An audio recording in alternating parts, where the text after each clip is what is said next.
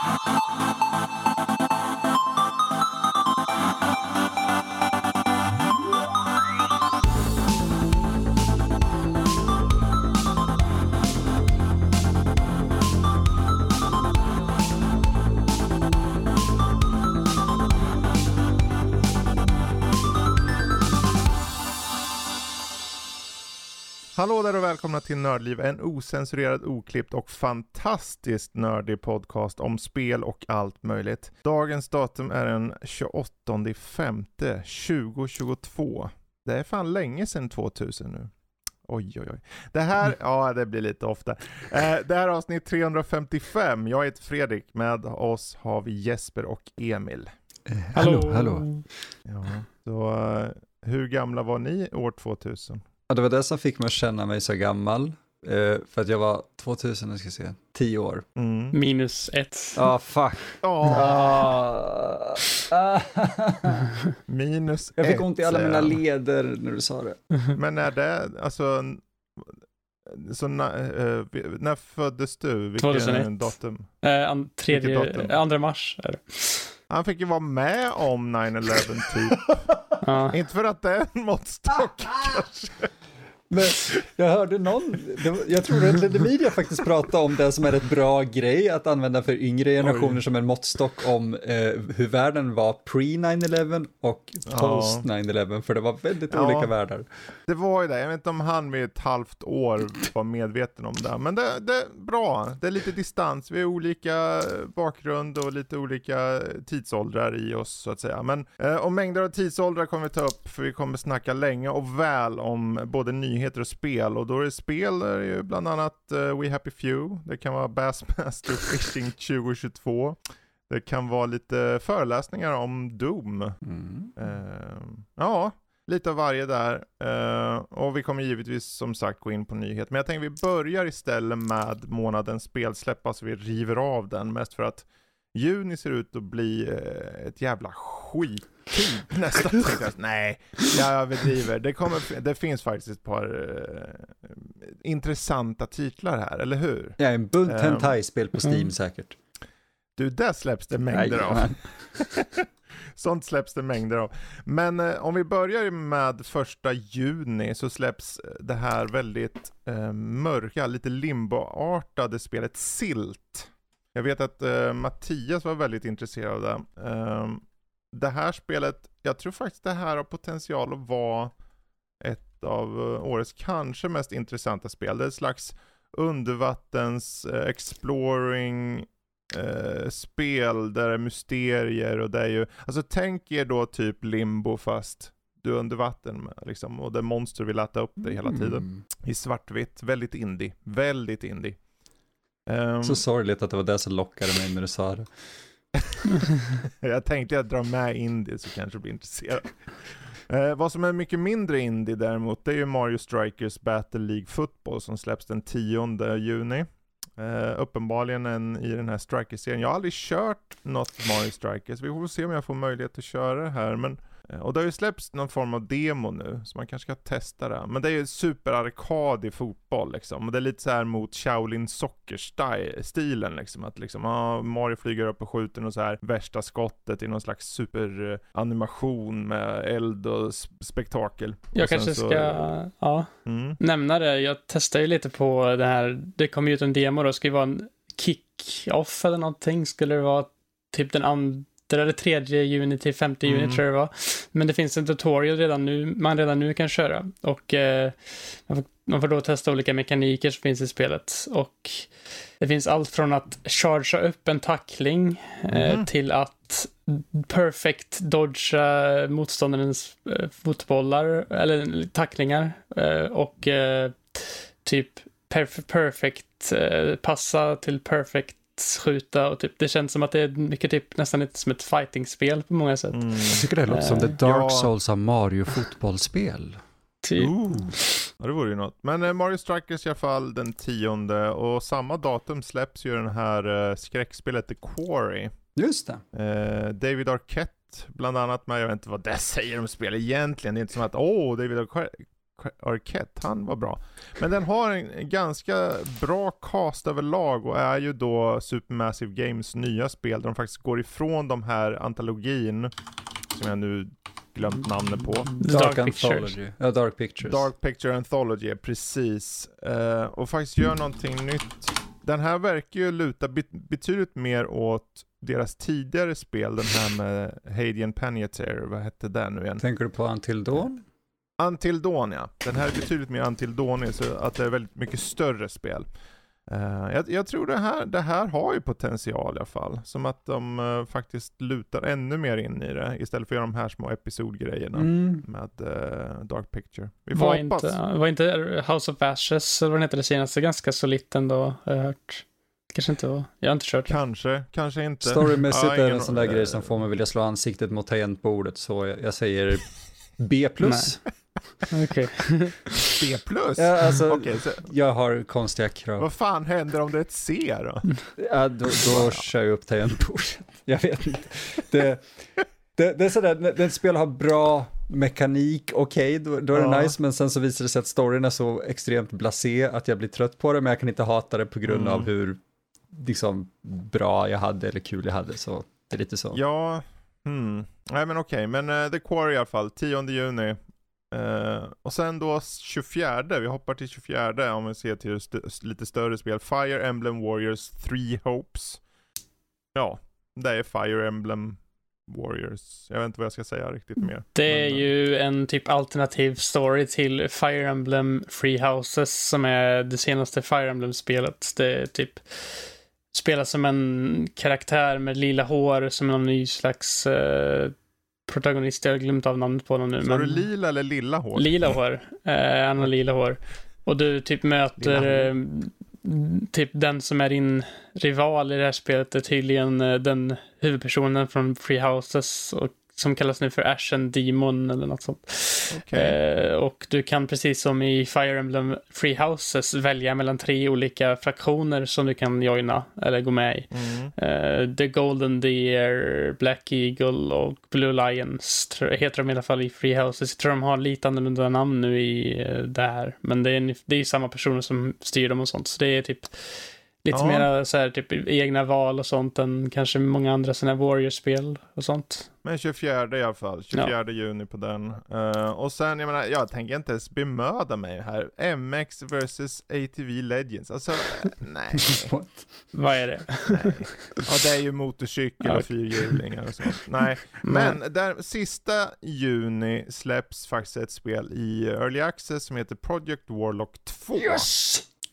Och Eh, de som gillade första kanske har en del att se fram emot. Det är, ju ett sånt här, ja det är ju en retro-shooter helt enkelt. Yes. Uh, och inspireras mycket av både Quake och Doom 64 och liknande. Och har en del intressanta saker i både utseendet och upplägget som jag tycker kan bli intressant att följa på. Mm. Men vi får se vi får se. Men ja, och det är väl egentligen de som stod ut mest tycker jag. Vi är inte här för att rabbla upp varje spel utan de guldkorn som finns. Jag kom på ett till som inte är ett tekniskt sett ett mhm. helt nytt spel men det är en stor expansion och det är Monster Hunter Rise Sunbreak som är den stora expansionen okay. till Monster Hunter Rise som ska släppas nu den 30 juni. Eh, som tar en till en ny kontinent, så massa nya features och om man mm. har hört från eh, tidigare expansionen till Monster Hunter World, eh, Monster Hunter World Iceborne, så, så kommer den här vara typ dubbel, alltså typ dubbla spelet, så typ en samma spel igen. Eller oh, inte ja. samma spel igen kanske, men alltså typ ett spel i ett spel liksom. Så det är nog en ganska okay. massiv expansion, så det kan vara värt att nämna. Bra. Bra att du tog upp mm. det. Men vi hoppar vidare då eh, och tar nyheterna nu, för det är lika bra vi hoppar på det här. Eller hur? Reva Jag ser att du, du sitter här redo, bara, ser, jag ser du, pulserar. Det är så här, kom igen, så ja, så ja. Och Jesper, han, han är, han är sten, sten Han är kall. Så. Anywho, vilka som också är kalla, det är EA. Och EA har ett rykte om sig att bli uppköpt, eller i alla fall vilja bli uppköpt eller slå samman med en större aktör. Och det här ska, jag vet ett par eh, personer har tagit upp det, Jeff Grubb och liknande. Uh, och det är väl egentligen det, jag menar det är så många nu som egentligen dammsuger marknaden efter de här mellanstora eller små studioserna så att eh, en stor publisher som EA blir uppköpt, då skulle jag personligen säga, men vem? Vem kan tänka sig att köpa upp EA? Eh, de är ju väldigt inkomstbringande för de tar ju betalt för allt, tänkte jag säga. Men det, det, men det sägs att de har pratat med aktörer som Disney, Apple, Amazon och, och framförallt NBC Universal. Um, jag vet inte, jag... Jag vet inte om det kan bli sämre, jag. Alltså det, um... det, är inte att EA inte släpper spel som jag kan tycka är intressant. Jag menar Jedi Fallen Order-spelet var bra, men Respawn anledningen ja, där. precis. Utvecklarna, det, det, är inte EA så. Det är väldigt sällan EA i sig som gör ett spel bra, om vi ska mm. vara sådana. Eh, jag... Ja. Nu är det som sagt ett rykte det här, men det är liksom så här, jag tänker, vad, vad, om ni fick välja då, Finns det någon större aktör som ni känner, det här kanske skulle passa bra? Och då även med de här som jag sagt då, NBC Universal, Disney, Apple och Amazon. Någon av dem, eller finns det någon helt annan aktör som ni känner skulle, kanske vore bra? Jag, jag personligen tycker ju Microsoft mest för att jag vet att de brukar skövla de vill ju ha up to par med sin egen interna policy. Men det finns ju fler där ute och det vore i nuläget, ungefär som jag sagt i tidigare poddar, så är jag nog nöjd med att Microsoft stoppar nu. Jag, mm. jag vill inte se att de specifikt, mest för att jag vill ha den här bredden i den mån det går. Ja. Men jag vet inte, vad tycker ni? Kanske är Microsoft eller vad, vad, vad känner ni? Det, Om inte Microsoft så tänker jag typ Alltså det är kanske lite konstigt med typ Amazon faktiskt, för Amazon har väl börjat göra lite spel. Eh, vad heter det? New World? New World, New World ja, ja som var väldigt hit. stort. Som var ganska stort ett tag, men sen så finns det typ ingen som spelar det längre vad jag vet.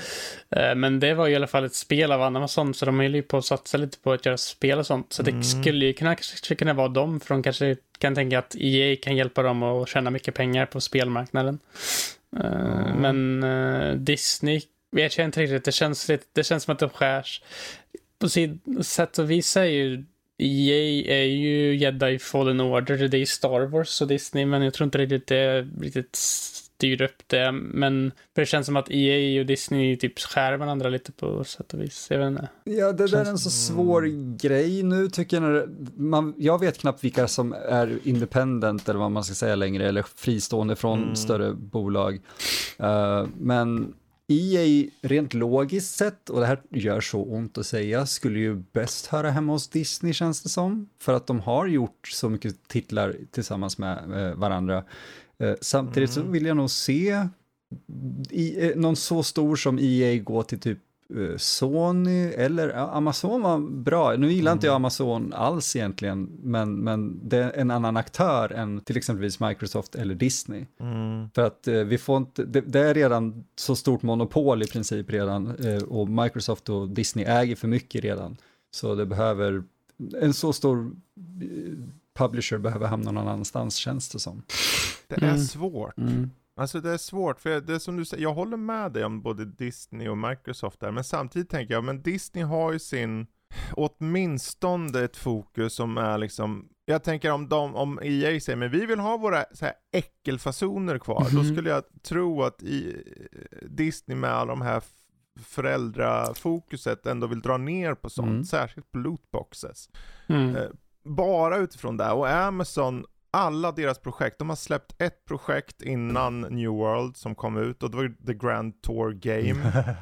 och alla andra har last, lagts ner. Mm. De hade ju mängder spel, men de lägger ner och lägger ner och lägger ner och lägger ner och lägger ner. Så jag är så här väldigt skeptisk till Amazon överhuvudtaget. Disney kan åtminstone ge, för det är en sak att säga att Disney har många, de får mycket IPn sett till film ja. Mm. Men på spelmarknaden har de ju inte nått nästan, förutom sina crummy direkt till spel från film X som precis släpptes. Uh, typ Kingdom Hearts säger typ Disney dock.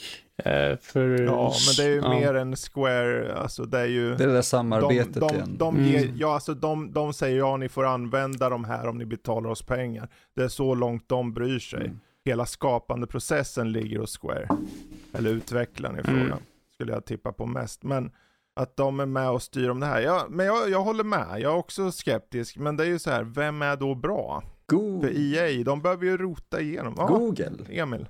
Kanske. De, de, de, alltså, ja. Det är inte heller något jag är ett fan. Fucking, sälj det till Embracer. Uh, det är inte fel nej. alltså. Jag känner att det skulle kunna funka, liksom efter deras svepning av flera studior efter Square mm. Enix Fire Sale, så känns det ändå som att det skulle kunna vara något intressant. Det, den problemen Embracer har egentligen inte så mycket hur de är eller vilka de är, mer som att de har över 200, vad är det, 120 spel under arbete, mm. eller vad fler, kanske var 200. Så att de är så stretchade, så jag är så här rädd att det blir så mycket kvalitet, mer än, inte för att EA inte har, de manglar ut samma spel år om mm. Jag, jag, kanske ska pudla och säga Microsoft i alla fall. Alltså jag vet inte faktiskt. Jag tycker det är jättesvårt. Det är en så svår sits just för att EA mm. e är så inmanglat med så många olika mm. andra aktörer. Att det, det, det, är logiskt att de skulle jobba med typ, eller köpas upp av Disney eller Microsoft. Ja, jo det är sant. Det är sant. Sen köper Nintendo dem. ja, så de kommer väl ta bort lootbox och sånt betydligt mer i alla fall, mm. kan jag tänka mig. De har väl dock börjat med lite sådana saker i dina mobilspel och liknande väl. Men det känns så, som ja, att det är inbyggt ja, men... i mobilspel, känns det som.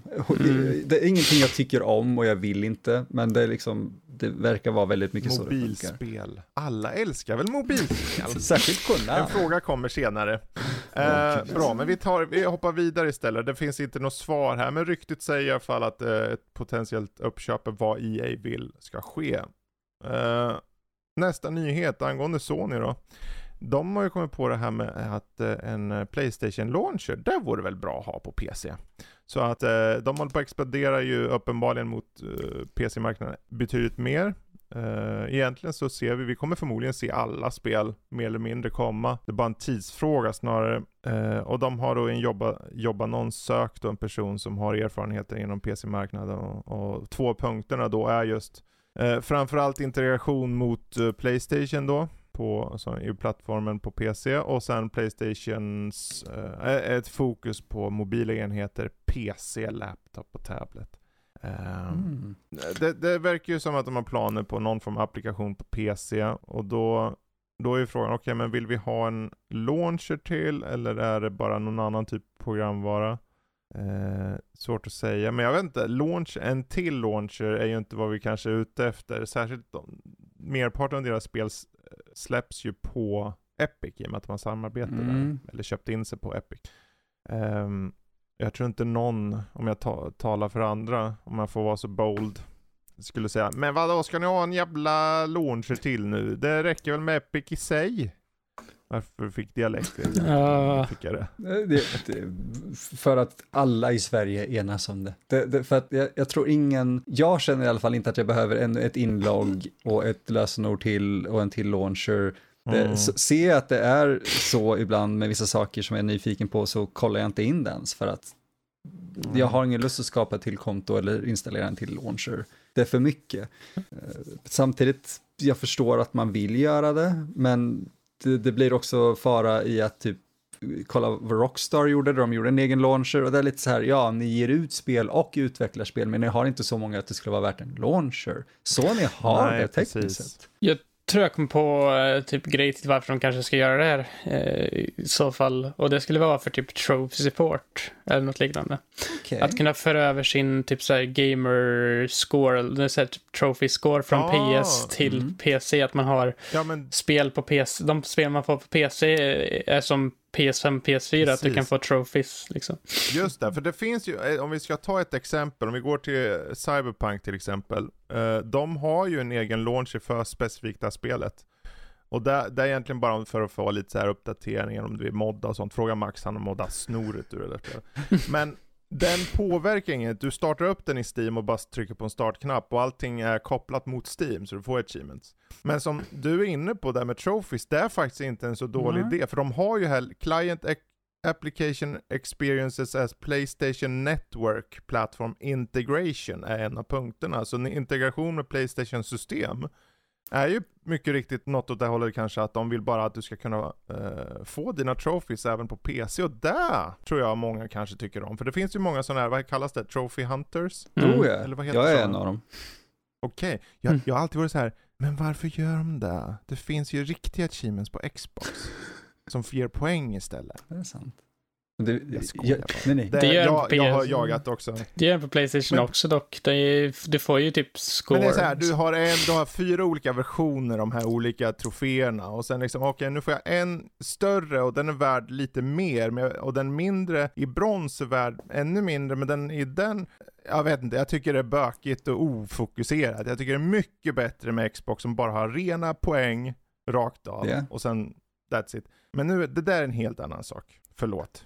Eh, jag tror, om vi går tillbaka till ämnet, är ju att fördelen om man ska vara positiv på det här, att de uppenbarligen satsar hårt på PC. För alla de som kanske inte tänker att de ska skaffa en Playstation, eller har råd, eller inte orkar, eller vad nu skälet må vara, och bara sitter på en PC, så innebär det att förmodligen betydligt fler spel kommer komma. Och dessutom så kan vi ju även se att de om det mot förmodan är någon form av applikation som gör att du kan köra bättre. Det finns ju Playstation Now, att man kan köra gamla spel, liksom i strömmat. Men om du kunde köra gamla Playstation-spel på PC lokalt, på någon vänster.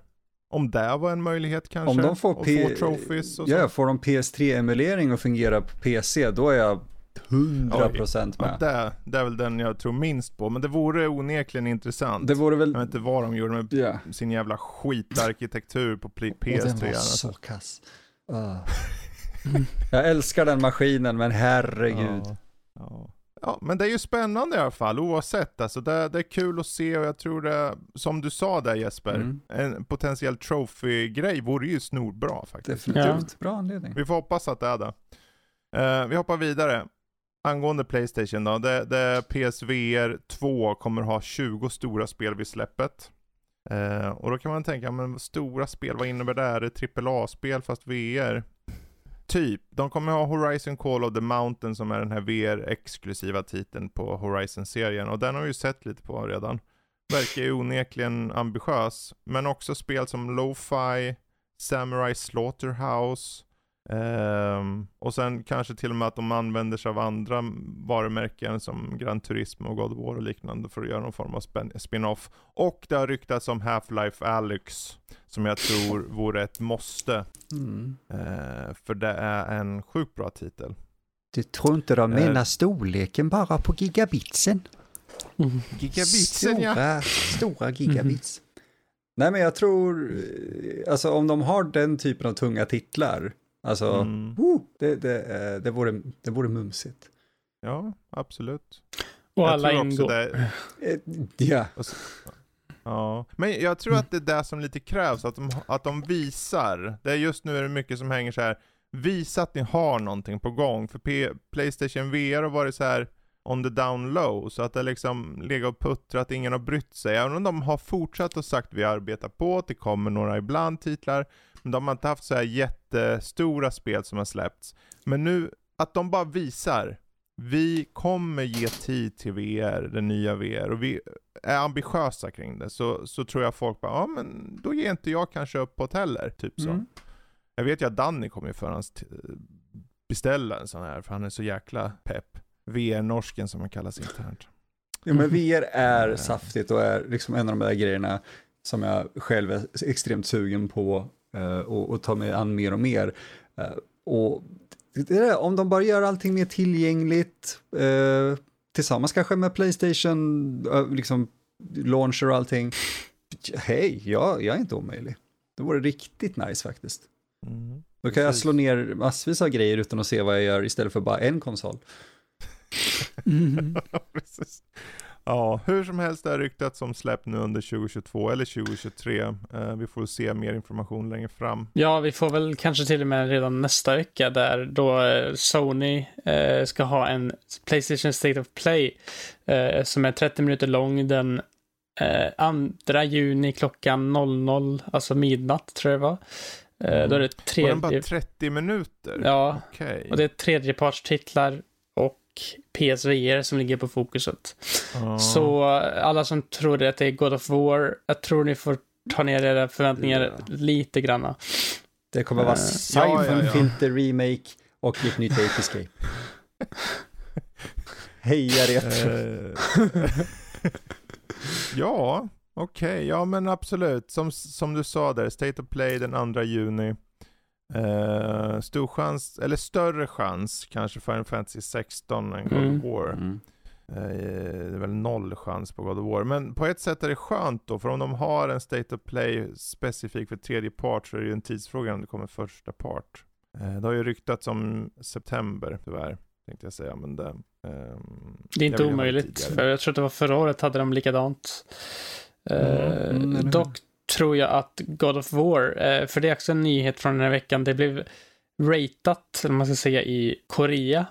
Eh, och det tyder på att spelet är nästan, alltså det kommer nog släppas i år. För mm. Eh, det brukar alltid vara typ 3-4 månader mellan att det ratas och att det släpps. I alla fall när det kommer till Playstation-titlar. Jag tror det var både så med Ratchet Clank Rift Apart som typ ratades i februari det året det släpptes så släpptes i juni till exempel. Och Horizon ratades i november, släpptes i februari tror jag. Så... Ja, och det rimmar ju ganska bra då för att om det nu ryktas om att de ska ha i september en State of Play och tre, vad sa du, tre, fyra månader är ju september-ish. Om ja. nu den här ratinggrejen brukar vara så. Så att eh, då mm, finns det ju potential att den kanske är en State of Play typ ett tag innan någon vecka och sen släpps det. Vi får se. Mm. Vi får se.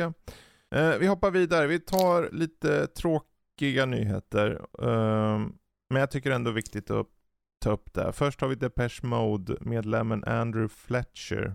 Eh, gick nyligen bort. Mm. Han var keyboardisten i, i Depeche Mode. Um, och det kommer säkerligen påverka dem. Uh, såklart. Uh, han var med egentligen sedan uh, Han har varit med sedan slutet av 70-talet. Ja, precis. Och eh, ja, det är tråkigt, men jag tycker det är värt att ta upp. Jag vet inte om det finns något mer att säga riktigt. Eh, något du vill addera?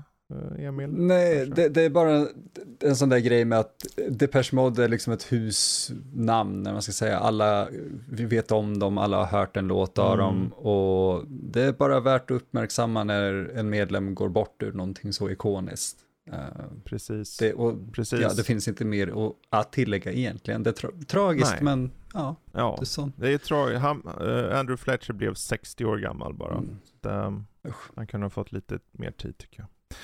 Uh, och apropå just uh, tråkigheter då, så har vi ytterligare en tråkighet i att Ray Liotta, han gick bort nu 67 år gammal i sömnen. Uh, han var uh, igång med en filminspelning mer eller mindre. och eh, han är ju känd från främst förmodligen Maffiabröder eller Goodfellas som det heter. Mm. De blev, jag kommer inte ihåg om han vann Oscar för det eller någonting, men uh, jag minns. det borde han ha gjort. Ja, han borde ha gjort det i alla fall och oavsett så var det ju den, den rollen som satte honom på kartan liksom ordentligt. Mm. Uh, och för många gamers, Tommy Versetti, eller Versetti i Vice City, fucking precis. GTA som de flesta föll, vet du, head over heels förälskad i. Mm. Det är ju en av de bästa GTA. Tveklöst. Eh, så är det, men han har gått ur tiden 67 år gammal. Så är det med det. Och när vi ändå är inne på tråkigheter, Andor, nej förlåt. nej, jag skojar bara. Jag skojar bara. lite Emil Nej men eh, vi, eh, vi, vi går vidare här till lite mer positiva saker då, och det är ju då åtminstone att det börjar släppas lite eh, trailers. Eh, och Eh, det är ju Star Wars har haft lite av en celebration då, Star Wars celebration. Och en av de trailers, eller teaser-trailers är då på den kommande tv-serien Andor. Det är ju spin-off på den här Rogue One-filmen då. Ehm, ja, intryck? Jag var så jävla uttråkad. Mm, jag tycker den verkar, ja, som en till Star Wars-serie, mer eller mindre. Mm. Jag vet inte riktigt, det känns som att det är lite för dåligt insatt för att kunna säga så jättemycket mer än att det verkar som att det kanske kan bli bra. Ja, eh. ja men absolut. Alltså, allting har ju chans att vara bra tills man ser det. Liksom. Absolut. Jag var ju mest skeptisk mest på grund av att den karaktären som de bygger här på är den mest intetsäga och uh, framförallt dålig karaktär. Jag tyckte han var dåligt skriven i Rogue One och sen dog han på slutet i en bomb. Ja. Och han var, han, det första han gjorde var att döda en, en i en annan rebell.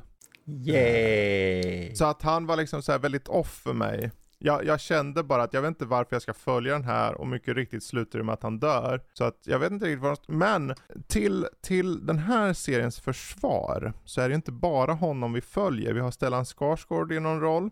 Du har även den här eh, rödhåriga ledaren för rebellerna, som jag glömmer bort namnet på, som du också verkar följa lite grann. Så att det, det finns någonting mer, senaten och det är liksom eh, on the ground floor och ute bland rebeller eller blivande rebeller. Så så det, det kanske finns något här, absolut.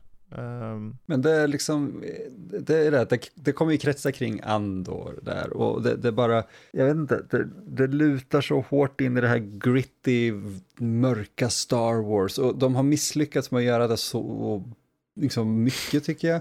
Att det finns potential till det. Det här är, jag, kan, jag gillar att bli motbevisad. Jag vill se att jag mm. har fel.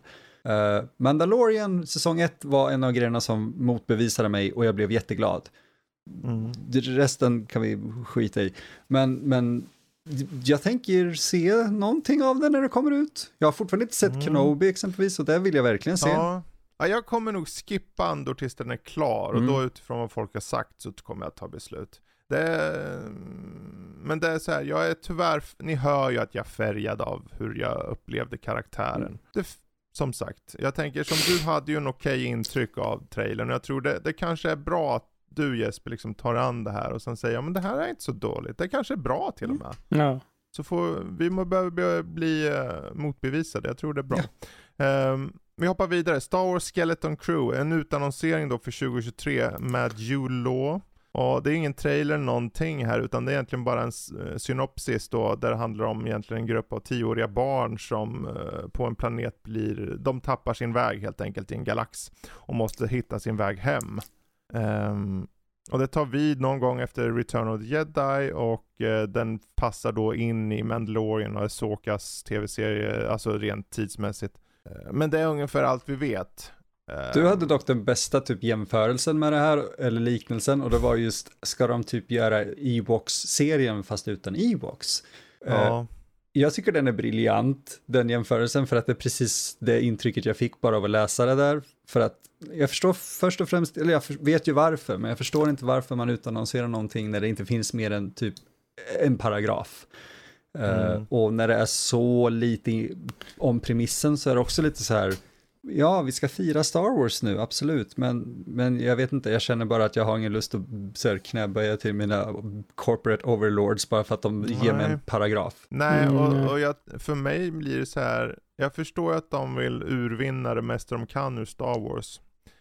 Uh, det gör man inte via att släppa ut mängder av Star Wars-grejer på en och samma gång. Nej, det är väl så här, det, det, behöver ju ha personer som brinner för det. Jag tänker som med Mandalorian mm. så märktes att det fanns folk som faktiskt brydde sig. Och det, jag tycker ju väldigt mycket om Mandalorian, alla säsonger, de två mm. är det va? Två säsonger. Mm.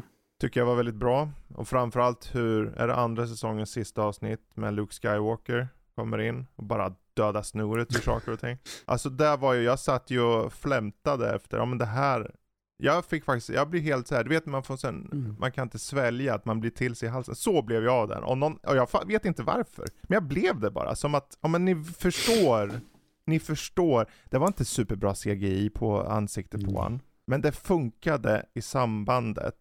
Tyvärr så vet vi att han kommer bli den griniga gubbjäveln på en planet som typ kastar svärdet över axeln och sen skiter i allt. Så det är ju lönlöst egentligen. Men jag tänker, ja men det finns saker här. Det kanske finns något. Ja, det, det, får bli vad det blir. Jag har inte samma pepp längre, men whatever. Det, mm. eh, ja. Eh, däremot något som man kanske har pepp för. Har jag inte tagit med den nyheten här? Eh, Star Wars Jedi eh, Survivor. Survivor. Yeah. visades ju upp i en liten cinematic då. Här däremot har jag väldigt höga förhoppningar. Mm. Eh, extremt höga nästan faktiskt. För att eh, det var ju en eh, Souls-liknande, eller det var ett Souls-spel mer eller yeah. mindre. Och hade en bra story. Jag tyckte om karaktärerna, tyckte om vägarna de tog. Eh, det såg bra ut, spelades okej. Okay. Eh, och nu en uppföljare 2023 till ett år. Ungefär som förra året satt vi så här, alltså 2022, det kommer bli ett sjukt med spel. Helt sjukt. Allt har flyttats till 2023. Så då säger jag nu, 2023 kommer bli ett sjukt år. Ett sjukt år. Allt kommer flyttas till 2024 säkert. Men jag vet inte, jag, jag såg det här, nu är det bara Cinematic, Cinematic kan hitta någon gädda i någon burk sylt tänkte jag säga. det var någon som floatade in så här back the tank som hade legat och grönskat till sig. Så att det, det, finns mysterier, det finns saker, de sätter upp lite grejer lite milt så. Um, så jag, jag, ser fram emot det, det finns ju inget att se fram emot rent gameplaymässigt. Jag tror att det kommer vara mer eller mindre uh, upplägget från, från föregångaren sett till det här Souls inspirer inspirerade upplägget, mm. utforskandet. Uh, med mycket fokus på story. Och det är så jag vill ha det. Ja, jag hoppas att särskilt Star Wars-spelen nu då i så fall sträcker sig lite mer utanför den här extremt slaviska canon-grejen de har hela tiden. Mm. För alltså mina favorit Star Wars-grejer utöver originaltrilogin är ju typ Kyle Katarn Uh, karaktären Kyle Katarn från Legends med, med så Dark Forces Just, och allting. Ja. Det är liksom, skit i Rogue One, spela första Dark Forces, för där, där är det precis, de skickar in Kyle Katarn och säger hämta planerna på dödsstjärnan och han bara fuck it, okej, okay. så gör han det och det är första uppdraget medan Rogue One var en hel film om det. Och det var så nice ja. för att det var så få karaktärer kopplade till det stora universumet. För det är det, det är det som jag exempelvis inte tyckte om med Mandalorian säsong 2. Det var så här, åh, nu är mm. vi tillbaka i Star Wars med sina jävla ljussablar och karaktärer vi har sett hundra gånger. Mm. Uh, och Kyle Katarn och de där, det var nytt, det var så fräscht. Så jag hoppas mm. verkligen att de går ifrån att typ Darth Vader dyker upp i det här igen eller någonting och, och bara... Och det gör han säkert. Garanterat, men, men så du vet, uh, a boy can dream, liksom. Det är det där att någonstans så vore det ologiskt om han inte dök upp. För han jagar ju jedis. Ja, jo. Så att eh, det liksom, jag måste säga att det är ju så många som säger att det ska inte vara jedis och sånt. Jag tycker, men herregud, antingen gör man någonting bra eller så gör du någonting dåligt. Ja, och de har så, gjort. Det, det, är ju inte, det är ju inte så mycket att om, att det är någonting som blir för mycket av, mer som att du har gjort det dåligt då i så fall. Så är det för mycket jedis och du tycker det är dåligt skrivet, då är det ju dåligt skrivet, inte att det liksom nödvändigtvis för att det är jedis. Jag tror det kom... För min del, ja. Nej men just att det, det, blir så övermättat för att de som hanterar det hanterar det så dåligt. Och för att så. få tillbaka det, för att få tillbaka mig då som tittare eller spelare så måste mm. man ta tillbaka och dra tillbaka på allt det som blev övermättat. Och det gör de inte. Mm. Så kan det vara. Men jag vet inte, Jesper, mm. fick du några tankar angående den här Star Wars, eller ni båda såklart, angående Star Wars Jedi Survivor? Det jag tänkte på mest var den här karaktären i, uh, vad heter det, den här typ tanken eller vad det är. Mm. Det är mm. någon karaktär där som ja, har typ det. silvrigt hår. Ja. Uh, är det någon karaktär som finns redan i canonen liksom? Eller är det någon Det är ny? inget jag har koll på. Uh, det finns säkert många YouTube-videos i det här laget som spekulerar kring att ja men det där är ju han som försvann, han var ju mästare till Arne Weise och du vet de kom in i ett träsk och sen åt Yoda upp han och så blev han en melon. Och... Jag vet jag, inte, det, var, de det är säkert någon koppling till någon som gör någonting liksom så, men yeah. tyvärr har jag ingen. Nej, men ja. Jag tror att det kommer bli bra. Alltså jag tyckte första spelet var riktigt bra. Så jag, bara de liksom expandar på det som är bra i första så tror jag det kan bli riktigt mm. bra. Men eh, vi har inte sett någonting av det konkret heller så det är svårt att säga. Nej, nej precis. Vi ser ju inget egentligen mer som ett upplägg av mysteriumet kring spelet snarare än eh, ordagrant vad det handlar om. Eh, 2023, mm. som sagt. Um, något helt annat än Star Wars är ju uh, Horizon Zero Dawn. Det är ju, men precis som eh, Star Wars så ska du göra tv-serier på det. Uh, och uh, Netflix ser ut att styra upp det här. God of War och Gran Turismo-serier är också på väg, tydligen. Um, kommer vara Thomas the Tank Engine fast med Gran Turismo-karaktär. ja, det, det vore nice. Det hade jag tittat på. ja ta bort det tanken. ja. ja, jag vet inte vad man ska säga. De arbetar på sånt här mm. och det tycker de är nice. Um, men jag, alltså jag kan förstå Horizon ändå för att det har en ganska rik, eh, intressant berättelse. Uh, God of War, ja, Mm. om de har mycket blod så kanske. Jag, Jag vet inte. tror dock det kan funka ganska bra om de kör på de senare i alla fall. Uh, God of War 2018 och kanske God of War Ragnarök mer på den storyn. Eh, och Ja. typ få att man följer Atreus och Kratos i nordiska... Ja, han var ju väldigt one-note i originalspelen, även om vi behöver ju ha den uppsättningen. Vi behöver ju sätta upp för han. Mm. För, för 2018, 2018 God War satte ju ändå upp att han var karaktären. De hade ju flashbacks och allting från originalspelen. Men ja, det, jag vet inte. Det, jag tänker, du har ju en rik berättelse. Du behöver ju inte, han går ju inte runt och bara mangla snoret ur alla nödvändigtvis bara för att de gör den här, var det grekisk mytologi Yes. eller vad var det för något? Grekisk. Ja. De kan säkert fylla ut det med ett par ord här och var också. Han skulle mörda ord om det gick liksom, det är det. Skulle mörda. Det, det var den Kratos i de senare spelen. Kratos mördar ord. okej. Ja. Ja. Men alltså det, det, ja. för, för det som Sony tjänar på just med det här är ju det att de har så cinematiska eh, franchises. Mm. De har Last of Us som ska bli serie, God of War, eh, Horizon och all, allt. Jag, jag är ändå taggad på att se det för att det är saker anpassade storymässigt för att funka som eh, mer Mm. än bara spel. Absolut. Jag tror definitivt Absolut. att eh, Horizon skulle nästan kunna bli sitt eget lilla universe-grej. För de har väldigt mycket, de har ju en väldigt unik värld i den framtida Oh ja. USA. Med många olika frak- fraktioner och liknande som man kanske skulle kunna följa livet i någon typ liten by eller någonting på någon karaktär. Någon, Mm. någon som kanske inte är Aloy. Ge dem inte fler idéer Jesper, vi kommer få ett cinematic universe och vi behöver Alltså, inte det- fler. Tänker- Mycket hänger på att de får budget här. För Mm. om, är det något som eh, Horizon är så är det att det är jävligt snyggt. Och det är, allting är liksom så supernedgånget allt. Liksom. De måste gå all in då Netflix. De kommer ta en God of War stillbild. kan jag förstå också. Eh, det är Amazon som ligger bakom God of War i så fall. De developar i alla fall. Det är olika här. Och sen har vi, den jag är mest skeptisk till är ju hur de ska göra en berättelse på Gran Turismo. Ehm, ja, det fanns typ lite så här visual novel element i, i senaste spelet. Men det var ju typ, ska du köpa en ny bil? Ah, det är många cylindrar. Blir det två? Nu får det låta som, du vet, Star Wars Pod Racing när man kommer skulle... Kratos in och mördar alla. Ja, exakt, Nej. det är en crossover. Man gör en Crossover. eh, Sony eller Playstation Cinematic Universe med Ratchet and Clank, Ah. eh, Horizon, God of War.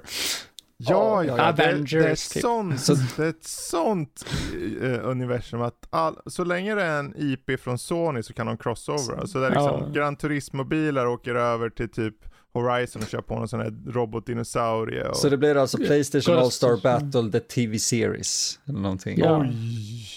Ja, Ja. okej. Den, den kör vi på. Mm. Och sen kommer Kratos in och mördar. Och så gör de ett spel på det sen också.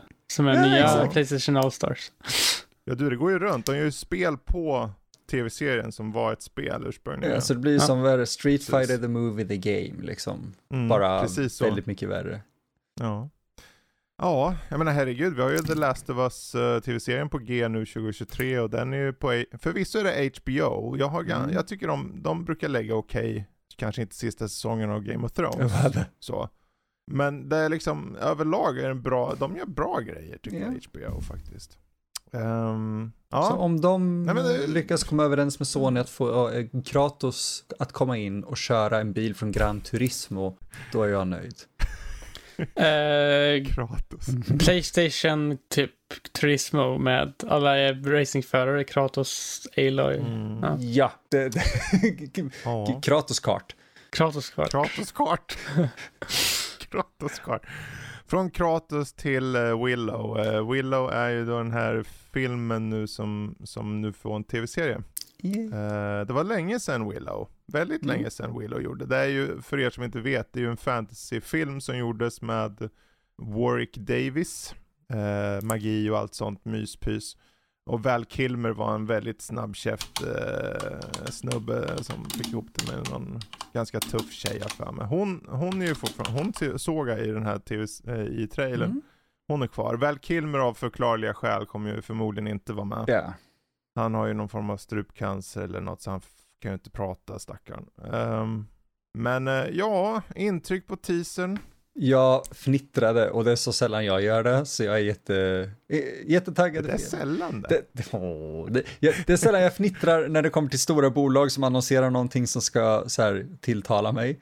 Eh, men att se mm. Warwick Davis spela Willow igen, det får mig att fnittra. Mm. För att Willow anser jag vara en av de mest underskattade eh, IPs antar jag från liksom the, the past, från det förgångna. Mm. Så jag är väldigt nyfiken på att se vad de gör med det här. Så länge de inte gör en fucking Picard och gör någon sån här He's the key. Då, då... Låt oss inte ta upp Picard. Vi Nej. nämner inte Picard. Picard existerar inte. Nej. Picard är ju ett Star Trek svar på eh, Star Wars uh, scen, Disney ja. sequels. Ja, exakt så. Det, det, det bara förstör allt, mer eller mindre. Och det är det som gör mig nervös. Det förstör allt. Ja, och det är så synd. Men uh, här verkar det som att det har gått in kärlek i den här, förvisso en teaser, men uh, vad det verkar som är dottern då, den här dottern som, som man ser eh, i slutet på originalfilmen som eh, föds. Att det kommer handla om henne då och sen så Willow själv då såklart är med på resan. Um, och det är säkert en udda samling karaktärer och, som ska ta sig eh, till ett visst plats eller någonting. Mm. Ungefär som i, i filmen. Så ja, det kan nog bli bra. Vi får se, vi får hoppas. Um... Det ger mig hopp i alla fall. Ja, jag har aldrig sett originalfilmen, men jag tycker att den här, alltså den såg intressant ut, trailern. Jag tycker det ser ut lite mm. som att vara mera fantasy-hållet Star Wars-akt. Alltså det kändes mycket Star Wars på något sätt, mm. men det kändes också väldigt åt fantasy-hållet tycker jag. Ja. Mm. ja, för det var ju verkligen en riktigt väldigt mycket fantasy, alltså det var ju en ren fantasy, eh, originalfilmen, så det, det, det, hoppas jag. Det var ju såhär, de skulle rädda en bebis från en ond eh, drottning liksom. Mm. För mig. Um, eh, George Lucas skrev ju den. Han och Cliff Notes skrev den, om vi ska vara ärliga. Mm. Ja, så är det ju. Men det är inget fel, för det Men, funkar. Eh, ja, vi, eh, vi får se. Vi hoppar faktiskt vidare nu, för nu är det dags för Game Pass Roulette. Eh, mm. vi kommer snacka om spelen som vi, vi spe, eh, fick till oss då förra gången och jag och Jesper kommer slåss, eller slåss, vi kommer få tilldelat oss ett par spel här. Eller ett spel, inte ett par, det, vem har tid med det? Det vet jag. Men eh, nu ska vi se här. Det är ju som ni, om ni inte redan vet det så är det helt enkelt det att vi har ju ett nytt eh, segment som helt enkelt går ut på att man eh, får tre spel i en slags eh, tombola kan man säga. Det, det, finns ju på Game Pass en slags eh, slumpmässig eh, generator av spel då. Så att eh, den poppar fram eh, spel ur sitt bibliotek och vi kommer ta fram tre stycken och så får personen i fråga välja ett av dem. Vill du börja eller vill du jag ska börja? Jag kan börja lika gärna. Ja.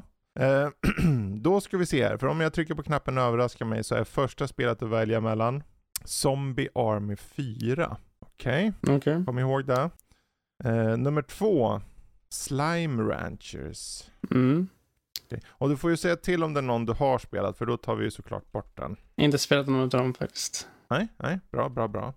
Och sen slutligen då, det bästa spelet i världen är Yakuza 4 Remastered. Aldrig spelat okay. ett Yakuza, så jag tror jag kanske dömt att gå in på Ska du börja med fyran? Vad säger ja, att nej. inte ska spela Vad säger du? Zombie Army 4, Slime Ranchers, eller Slime Rancher, eller Yakuza 4. Vilken blir det som du testar mm. dig på lite inför nästa gång? Säg nog Slime Rancher. Kanske. Ja, Slime Rancher, okej. Okay. Ja. ja, men det blir spännande. Den var ju faktiskt ganska het på sin tid, kommer jag ihåg. Det var ett gratisspel ett tag. Då är det min tur då. Mitt första spel som jag har att välja mellan är uh, Rainbow Six Siege. Den har jag kört, så den får jag, om jag ska vara ärlig, ta bort mm. då. Uh, Kentucky Route Zero. Just ja, det är ju en slags... Den är ju väldigt... Uh, jag har hört att den ska vara väldigt bra. Mm. Mm. men då är det den. En. Nummer två, nu ska vi se här då. Minecraft Dungeons har jag ju kört. Jag har till och med recenserat, så vi skippar den. Nu ska vi se. Deer Simulator. Your average everyday deer game. Uh, ja. Det ser väldigt intressant okay. ut. Ja. Ja. Ja. Ja, vi får se. Det är faktiskt upp till mig. Jag får se.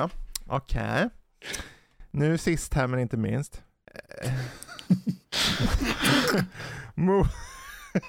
MotoGP 20 kommer Fabian, alltså det kommer ta med tusan varje gång. Men eh, jag får väl göra Emil glad här då, för då, det, jag, för det var den eller Kentucky Route Zero. Mm. Den är ju prisbelönad, men den är lite, så här, lite för lätt. Uh, så jag tänker Deer Simulator. Oh, det bli. Jag blir så lycklig. Jag, jag hade ju sån tur förra gången så let's go again med en sån här rolig titel. Bra, då så. Vet ni vad? Nu tycker jag det är bra om vi tar och hoppar in på vad vi själva har sett och spelat och gjort och sånt där. Eh, och jag tänker vi börjar med den gode Jesper. Mm. Du har ju både det ena och andra. Jag är nyfiken på den här Nino Kuni Crossworlds. Yeah. Att, eh, många kanske, men det där är väl bara mobilspel, men det kanske är mer än så. Jo, alltså. Vad är det här? Nino Kuni Crossworlds kan man typ tekniskt sett säga är typ den tredje delen i Nino Kuni-serien. Alltså serien som i börj från början var en eh, samarbetseffort mellan eh, Studio Ghibli-medlemmar och eh, Level 5, en eh, japansk spelstudio. Eh, men de gick bort för att göra nummer två och nu har de gjort ett nytt MMORPG är eh, till mobil från första början. Men eh, nu har det även släppts, eh, från början var det bara dock, eh, jag tror det var släpptes typ 2020 eller vad det var i Japan som ett exklusivt mobilspel i Japan. Eh, men nu bara för några dagar sedan så fick jag någon notifikation, eller jag såg någonstans på typ Twitter eller vad det var, att det har släppts till, både det har släppts i väst nu och det har släppts till PC, så jag tänkte bara, jag kan väl testa att ladda ner det här och eh, då gjorde jag det. Och då var det väldigt bökigt för då behövde jag ladda ner mobilappen ändå för jag behövde skapa kontot och koppla det med min mail till PC-klienten. Så jag behövde skapa kontot på mobilen och göra det. Okay. Och sen efter det så behövde jag även eh, skapa karaktären på, P på mobilen också. För att det fanns ingen inbyggd grej att skapa karaktär på PC av någon anledning, för det är en betaversion på PC. Så fick jag ladda ner hela spelet på PC, som är typ så, eller på mobil, som är typ så här 3 gigabyte stort. Mm. Uh, för det är Oj. ett väldigt stort spel eh, för på mobil. 3 gig på mobilen? Ja. Uh, så fick jag göra det. Uh, så kunde jag skapa en karaktär där och sen så skapa sen så till slut, då kunde jag gå in och spela. Så jag valde att göra en svärdskaraktär. Och eh, då fick äventyret börja igång och du spelar, jag spelar som en egenskapad karaktär i Nino Kuni då som är den här eh, världen som är bortom våran. Det finns två världar i det här universumet. Ett som är liksom en fantasyvärld som är den här Nino Kuni Eh, och och vanliga världen, eh, som är vanliga världen i princip. Eh, och du är en karaktär som inte kommer från varken den ena eller den andra världen och i en öppningskattsin så ser det ut som ungefär som att du är någon slags AI, alltså du är någon slags, jag vet inte om du är mänsklig för du sitter i någon slags kapselbehållare eller någonting. Som att det vore lite så här, någon simulation eller någonting. Och eh, du träffar på en eh, liten eh, gullig eh, djur som heter Klu som blir din sidekick och så får du gå runt på lite äventyr och precis som i första Inokuni så eh, rekryterar du sådana här familiars som är lite som Pokémon som du kan levela upp och med på ditt lag och göra lite extra attacker åt dig. Det är ett eh, uh, action-RPG. Du har några olika knappar du kan göra olika, olika attacker på och det är extremt mashigt. Du bara kan klicka på alla knapparna samtidigt. Det är typ det du vinner på. Om du försöker tänka eller göra någonting som är smart så kommer det bli typ inte gå lika bra som om du bara mashar alla knappar. Så det är det man får göra. Uh, jag väl inte kört så jättemycket på det egentligen förutom att typ gjort de första questsen för du har en reputation level i staden som du måste göra en massa uppdrag för att levela upp. Uh, och då går du runt och hjälper folk med lite olika tasks, till exempel döda något monster här eller fetcha det här itemet där eller så. Och sen finns mm. det även en main story som, jag tror det var någon drottning eller någonting som blev uh, anfallen av någon uh, mystisk karaktär. Man ska väl ta reda på lite vad den här är. Jag tycker ändå att det verkar intressant. Jag sökte också upp det här. Det verkar som att det finns en story från början till slut i det här spelet också. Så det är ju typ mm. 3D Nino Kuni ändå. Uh, det är en sak dock som jag... Är det värt liksom att skaffa det här eller? Jag skulle nog typ säga, det är en sak som jag har lite så här det ser, eh, för det första, det ser väldigt snyggt ut. Alltså det ser ju typ, jag har inte sett något mobilspel som ser så här snyggt ut. Det är verkligen imponerande. Men en sak som jag stör mig på är att när du startar ett uppdrag så gör karaktären uppdraget åt dig typ. Den går automatiskt. Så du måste manuellt gå in och stänga av att karaktären spelar spelet åt dig varenda gång du startar ett uppdrag. Det är lite märklig speldesign, men ja. Eh, det är väl den största grejen som är. Mm. Men annars tycker jag ändå att det, det är ganska okej. Okay. Alltså, jag har aldrig varit någon som har varit fast i något mobilspel direkt. Men jag tycker att detta är, verkar ganska nice faktiskt. Så ja. en rekommendation om du, vill testa, om du gillar serien och vill testa något nytt. Precis. Det, det, var gratis där? Ja, det är helt gratis. Ja. Eh, du behöver bara skapa ett konto på den här mm. online eh, MMO så har du spelet sen. Då så, Nino Kuni, Crossworlds. Um, jag tänker vi hoppar över till uh, den gode Emil här, mm. för jag måste ju höra. Hur kommer det sig att du hoppar tillbaka till Return to Castle Wolfenstein? Därför att det är ett av de, om man ska säga äldre shooterspelen som jag inte har spelat särskilt mycket. Mm. Och jag vill se om det fortfarande höll. Och eh, mm. det mm. håller förvånansvärt väl faktiskt. Uh, det är snabbt som tusan, det kräver reflexer mm. och det har bra om en frustrerande, uh, eller väldesignade om en frustrerande stealth-uppdrag. Mm. För jag tycker inte om när stealth är så här, ah de upptäckte dig så nu måste du börja om och bara mm. Mm. Uh, men det, det, är liksom, för att vara ifrån en spelserie som var något, vad ska man säga, eller fattig på spel nästan. Mm. Men först, ja, vi behöver inte snacka om de gamla arkadversionerna som kom ut på 80-talet, men, men liksom Wolfenstein 3D, sen kom Spear of Destiny, sen var det Return to Castle Wolfenstein som kom 2001 och var typ mm. slutet. Det, det, är lite kul för när jag skrev en krönika om det så var det där, det här, det känns som sista spelet som liksom kom i den här klassiska shooter-eran uh, för att samma månad släpptes Halo och liksom inledde någonting Just, nytt. Ja. Mm. ja. Uh, så det var väldigt kul att spela det igen. Och sen tog det åtta år innan de gjorde Wolfenstein 2009, som ingen kommer ihåg. Mm. och sen var det ju New Colossus, eller vad heter de, New Order. Ja, precis. Så, ja. ja, för jag har väldigt goda minnen av just Return. Uh, jag, jag för mig jag tyckte väldigt mycket om det. Eh, det var ju också lite så här, jag får lite halvlättklädda nazisttjejer som sprang runt, så jag var i den åldern också. Ah. Det var ju 2001 där. Men framförallt så var det så här, det var några monster som gick typ på händer eller någonting och sköt elektricitet och grejer. Det var så här jätteudda och blodigt och dant och så. Men ändå, det var, det var ett kul spel kommer jag ihåg. Mm. Bara mest personligen. Eh, och nu när jag, jag hoppar in nu här och ser, ja, 20 november 2001. Alltså det är ju över 20 år sedan. Yep. Det är helt bananas. Det är vansinnigt. Um, men uh, ja, vad kul att du hoppar tillbaka till det och testar liksom. Mm. Ja, men jag har ju spelat vissa, typ Outlaws, vissa sådana spel har jag ju spelat i mm. dödagar. Uh, och då vill jag upptäcka några av de äldre spelen som ja. jag bara nosat på. Hur, hur gick det att köra? Körde du från GOG eller hittade du några, hur, hur gick det bra att köra? Ja, inga problem. Jag, tog, jag köpte det på GOG för de hade det för typ 17 ja, spänn. Ja, men då så. Ja, och det känns, alltså allting där är fräscht och modernt, man ska säga. Mm. De kör med DOSBox då? Eller något sånt, Nej, DOSBox var ju redan Windows? gammalt. Uh, det här är, jag tror det här är Windows bara rätt upp och ner. Ja. Förmodligen ett par patchar och, och sådär och sen får man ju gå in och Precis. ändra vissa grejer själv. Uh, men felfritt egentligen. Mm. Mm. Definitivt värt Härligt. att ta, ta sig an igen. Kul. Ja men vad roligt. Eh, vad som också är mindre roligt däremot, det är Bassmaster Fishing. mm. men I förra eh, Game Pass Roulette så fick jag ju det här Bassmaster Fishing.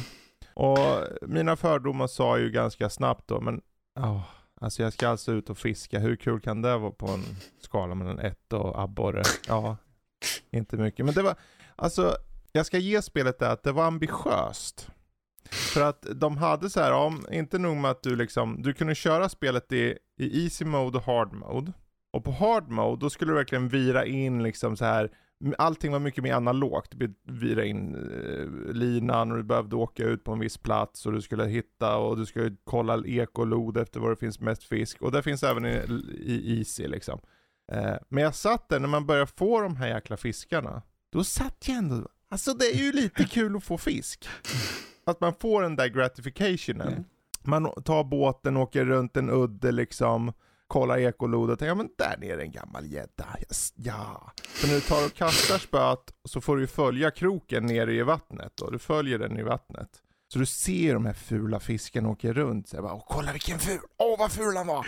Åh! Jag har nog aldrig sett en attraktiv fisk i hela mitt liv.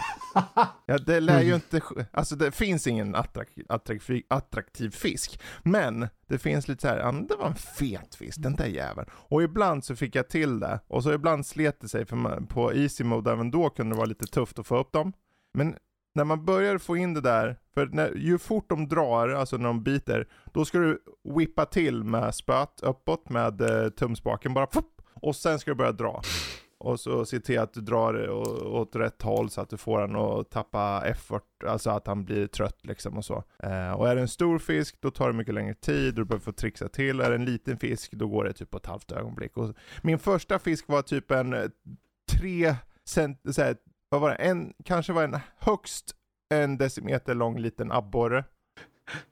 Och varje gång du tar liksom en fisk så blir det automatiskt ett litet fotomod. att du sitter där liksom med, kolla min trophy, kolla vad jag fick. Och så, det såg så roligt ut, han höll liksom i sin, som i en liten, i handflatan fanns det en liten fisk. Fisken bara, men vad fan, fan tog du mig för? Du, du såg ju inte Berra där ute.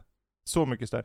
Och sen släpper man ju alltid i dem och så. Men man får som ett high score blir det ungefär på längd och, och vikt och sånt. Och det, det var faktiskt helt okej. Okay. Jag tror att om du är en sån här som gillar, på riktigt gillar fiske, för det finns sådana där ute.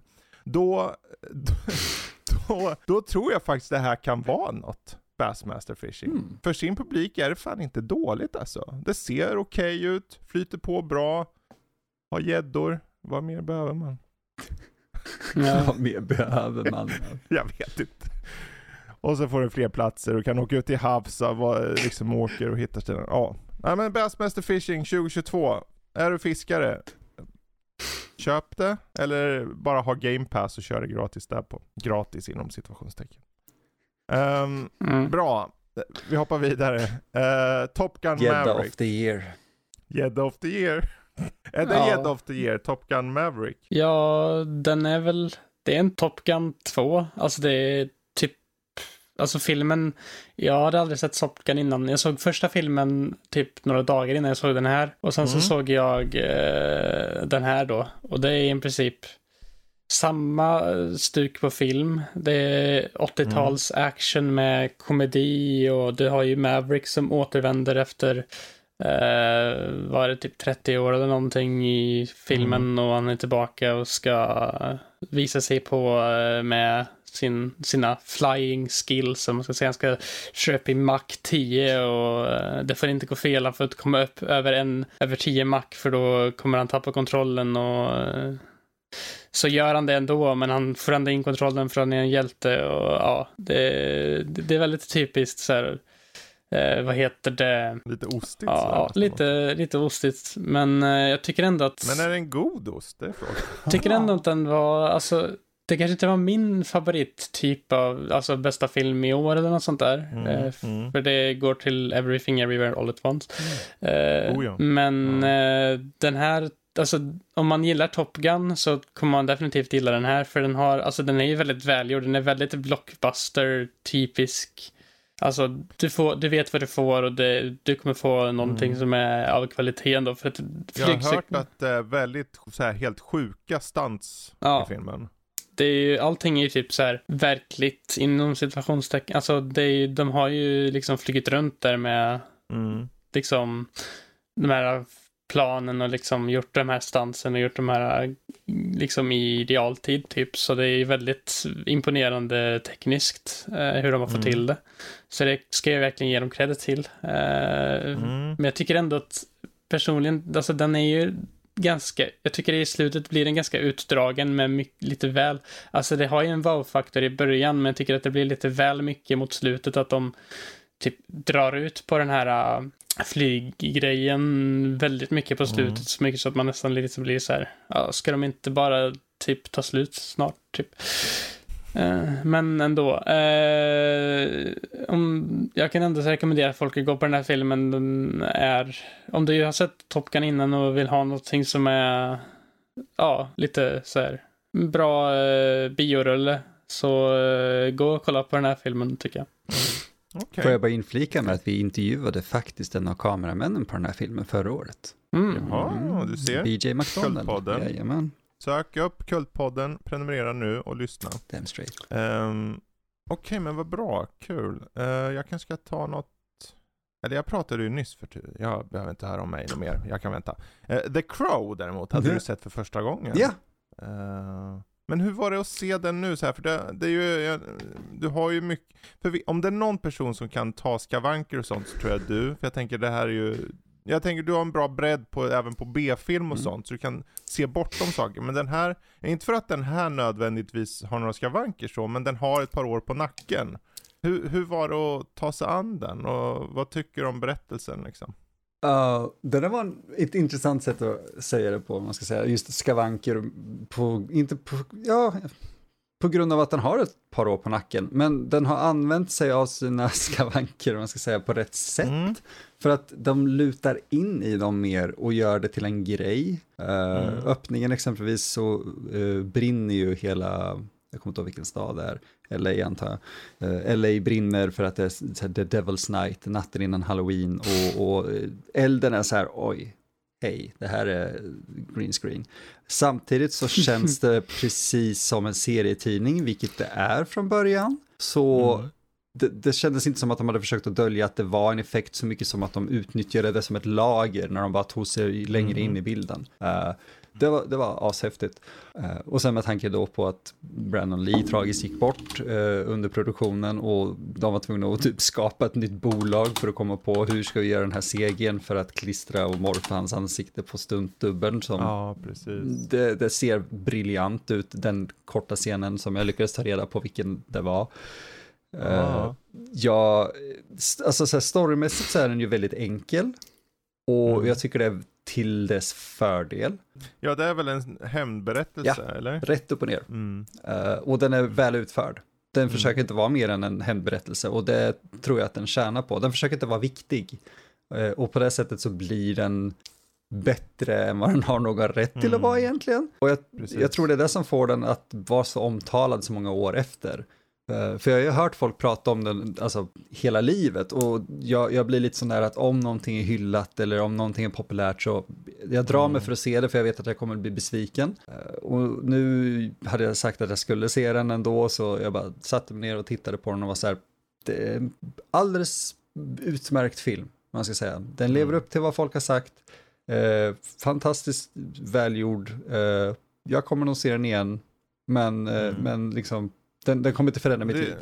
Det är kul att du ändå tyckte om den, för jag tror, för min del, så när jag var, en, jag var ju ändå med då, och det var ju du också förvisso kanske då, men att man var med då, jag kommer ihåg året den kom, det året kom väldigt mycket, 94, mm. det hände ju väldigt mycket det året överhuvudtaget. Men varför den, den blev ju en ikonisk film, en kultfilm, mm. egentligen mest på grund av att han dog. Ja. Så att det är ju liksom inte så mycket som att filmen i sig höjs för att han var med, mer som att han dog i filmen. Ja, Brandon Lee i sig gör ju inget särskilt i den här alls. Nej, så att, men det är liksom, den här emo-vågen var ju, om, den var ju på topp här verkligen. Mm. Eh, så, så, så mycket, det kom ju massor med uppföljare som var nästan direkt till video och grejer. Och det kommer ju en ny snart och Bill Skarsgård är ju satt till att göra den. Mm. Eh, en hel reboot då så att säga. Eh, kanske med bättre eh, vad heter budget och grejer, vad vet jag. Men den har ändå som du säger, jag tror, tycker också att den har sin plats ändå. Oh ja. Den... Jag skulle inte heller säga att det är världens bästa film, men att den, den passar precis då. Precis i grungen, precis i det där 94-stråket där så passar den bra tror jag. Exakt, den fångade väldigt mycket av sin tid eh, och håller tack vare det. Mm. Eh, och Precis. Brandon är bra i den, men alltså han är bra skådespelare i den, men om man hör att det är Bruce Lees son och man går för att se när han spör upp folk så är det lite så här, mm, det är inget särskilt. Ja, Ja, det var ju inte lätt för han liksom och så här att vara i skuggan på sin, av sin far riktigt så. Men uh, han gjorde det bästa han kunde i alla fall. Han försökte till och med dö ja. på samma sätt så. Ja, jo. Det, det, så många tänker, att det är en förbannelse, det är en förbannelse. Det är ju bara circumstance. Uh, Oavsett, The, The Crow, värd att titta på? Eller? Absolut, även ja. 22 år senare så är den värd att titta på. Ja, precis. Eh, från det till något helt annat. Jag eh, fick till mig Steam Deck i veckan mm. som jag har suttit och lirat på. Och Steam Deck är ju för er som inte vet, mot förmodan, mer eller mindre en bärbar dator då. Det har integrerad så här Steam eh, på sig med gjort i, vad blir det, Linux. Eh, och eh, jag har testat då, jag tänkte men jag vill testa en bunt spel. Jag har ju kört Sniper Elite 4 bland annat, jag har kört Vampire Survivors, jag har kört en mixad hög av spel bara för att se hur den presterar och så. Och sen att jag då fastnat i det bara, om jag ska bara köra vidare en stund till innebär ju då uppenbarligen att den gör jobbet. Men jag hade sagt, det är ju, det är en, det är en enhet som kräver lite PC-bakgrund hos användaren. Mm. Eh, inte det att du så här måste göra, du måste göra inställningarna, men om man är van vid PC, du vet, ja men jag går in i inställningen i spelet bara för att ändra om lite på, på ja men jag drar ner saker till medium, eller jag ändrar det här eller någonting. Bara för att man får lite bättre, för att man vill och kan. Är du van vid det, då kommer det vara, alltså för mig var den här ganska lätt. Det var så här, jaha, ja, okej, okay. ja men nu är det bara att köra. Det är precis som på en PC nästan, fast nästan enklare. Du bara startar ett spel, allt funkar direkt. Mm. Men det finns fyra kategorier av spel. Det finns verifierat, det är spel då som har verifierats av Valve, som säger de här är bara att starta upp, de kommer funka utan problem. Sen finns det spelbart. Mm. De går att starta upp, men de kan ha en del små kinks. Det kan vara, jag körde Civ till exempel. Och Civ är ju så här, det har ju mycket med kortkommandon om man nu är van med det. Jag är jättevan med det, jag trycker på B för build, så bygger man. Uh, och då var, man ju, då var man tvungen att trycka in Steam, det finns en knapp som heter en dedikerad Steam-knapp. Steam-knappet och B, och då får du fram ett digitalt tangentbord. Oh. Det är ju krångel. Krångel säger alla användare ute. Vi vill att det ska funka direkt. Jag tycker det är bra. Det funkar. Alltså jag satt ett par timmar som man gör med Civ och tänkte jag ska bara köra en kvart. Och så vart det ett par timmar. Men det, uppenbarligen funkar det. Men det, vissa spel behöver lite mer så här kärlek då från utvecklarna och de fyller på med de här verifierade spelen hela tiden. Ut, alltså herregud, det är till och med uppdateringar av själva Steam Deck nästan varje dag. Mm. Så att varannan dag, varje dag så här. Så att än så länge så, jag satt och körde Sniper Elite 4, 60 FPS, eh, mer eller mindre rakt igenom, flyter på riktigt bra. Eh, kontrollen, alltså känslan är bättre än Switch i det att till skillnad från Switchen som är helt plan på baksidan så har den så här, ungefär som på en handkontroll så, så böljar den runt bakom så att du vet, det bölj, böljar ut så här. Oh. Så är det även på, på, på Steam-däcken, så jag fann mig själv kunna sitta mycket längre innan jag blir trött i händerna, bara för att den är formad bättre, får bättre uh, grepp liksom.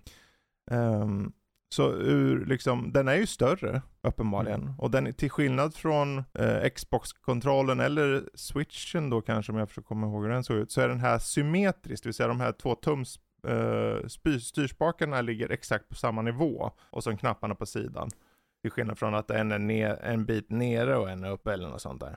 Så är de likadant så. Så att det, där fann jag väldigt så här skönt egentligen, att det var ganska lättillgängligt. Skärmen är ganska stor. Det är ingen OLED-skärm, så sitter du på en Nintendo Switch OLED, nej den har inte den, den där svärtan såklart, det har den inte.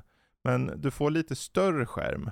Och det märkte jag på en gång i vissa spel, så oj det här var ju oväntat. Jag fick ta med glasögonen och flytta hela stildecken en bit bort där. Men det här är ju...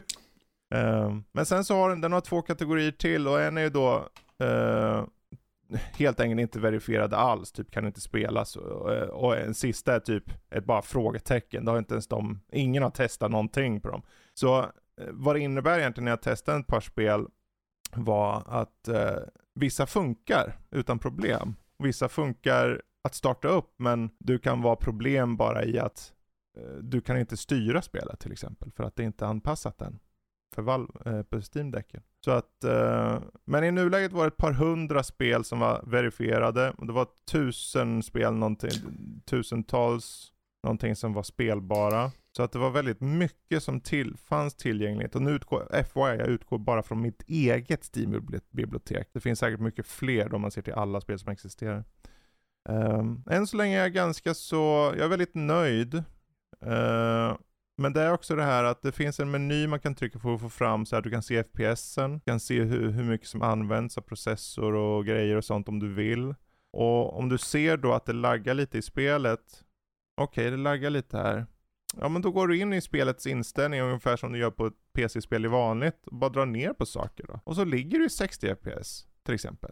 Så att, det är ju skamligt smidigt allting. Ja, det är väl bara att den här användarupplevelsen du vet som man har sett på en switch, du bara trycker in en cartridge mm. eller en liten minnesgrej och det bara går igång på en gång. Det är ju ett PC-spel så att du måste liksom gå in och trycka på installera, och då installerar den ju lokalt liksom. Och är det ett som inte är verifierat än så är det så här, det kan vara att det inte går igång ordentligt, det kanske är något krux med, in, med inställning överlag, det kanske är upplösningsproblem, vad vet jag. Jag har inte testat alla spel uppenbarligen. Men eh, så det, vissa spel kan kräva lite sånt om det inte är verifierat än. Och det behövs tänkas på. På det sättet är den inte för alla. Men uh, det är jäkla mycket hästkrafter för, för en handhållen. Ja. Faktiskt. En kul detalj är att det finns ju RetroArch direkt på Steam. Och RetroArch är ju en, en hel samling med emulatorer. Det har Nintendo 64, det har SNES, det har Amiga, det hade allt visade det sig. Som fanns kostnadsfri på Steam. What? För först tänkte jag, men åh, jag skulle vilja ha in emulatorer eller någonting bara för att testa. Så lagligt som det går såklart. eh, men eh, då tänkte jag, men då måste jag krångla ha mig säkert och hitta en sån emulator. Hur får jag in det? Och så tänkte jag, men tänk om det finns på Steam? Och mycket riktigt, RetroArch finns redan. Du bara installerar den och sen är det bara att ta en minnes, minneskort. För den har en sån här minnesplats. Så här microSD. Du bara ladda på med spel som ni lagligt har köpt och kopierat. Mm. Fredrik spelar bara homebrews annars. Mm. Nej men bara för in era spel, hitta det i biblioteket och kör. Wow. Du kan köra typ gamla uh. SNES-spel och sånt då, och ja. 64 Ja, vansinne. precis. Sen är problemet är ju såklart att vissa spel är ju, viss, som på emulatorer som finns, om du kollar på en Nintendo 64-emulator, vissa spel funkar mindre bra än andra. Ja. Det är bara så det är. Och det är något som går in i det här också. Det kanske finns andra emulatorer på Steam som jag inte har kollat upp. Det kanske finns andra lösningar, kanske finns, och då är det bara att testa dem. För ni har hela Steam tillgängligt. Så att eh, det är bara att köra. Har du kört en Men, eh, benchmark på den där? Eh, både ja och nej. Jag har ju testat det där att jag tog ner ett, ett antal olika spel av olika typer, bara för att testa hur de flöt på. Mm. Vissa märkte jag var låsta på 30 FPS automatiskt. Okay. Eh, men där var i regel, just av de jag testade var det mer så här visuella berättelse, narrativt drivna spel. Uh, och på de flesta spelen så var det ingen cap, alltså att den bara gick så högt som den orkade liksom. Wow. Och uh, på Sniper till exempel så tänkte jag, men jag kör, jag testar att köra på medium, det ser ganska bra ut. Och han körde konstant 60 FPS rakt igenom. Jäklar. I alla fall så långt jag kört. Uh, det är ju en lägre upplösning med skärmen såklart. Mm. Så det, det är klart det inte kräver lika mycket. Men det är ju alltså, som dator sett så är det fyra kärnor, åtta trådar, det är liksom ett så kallat RDNA grafikkort från AMD som är en senare grafikkort, typ 5000-serien, för er som vet så vet ni. Eh, på 8, vad är det? Eh, jag tror det är typ eh, mellan 1 till 1,6 GHz går grafikkortet upp i. Mm. Eh, problemet egentligen som många beklagar sig på är batterikraften, batteritiden. Mm. Förståeligt. Men batteritiden utgår enbart från vilket spel du spelar. Mm. När jag körde Vampire Survivor så hade jag 8-10 timmars batteritid.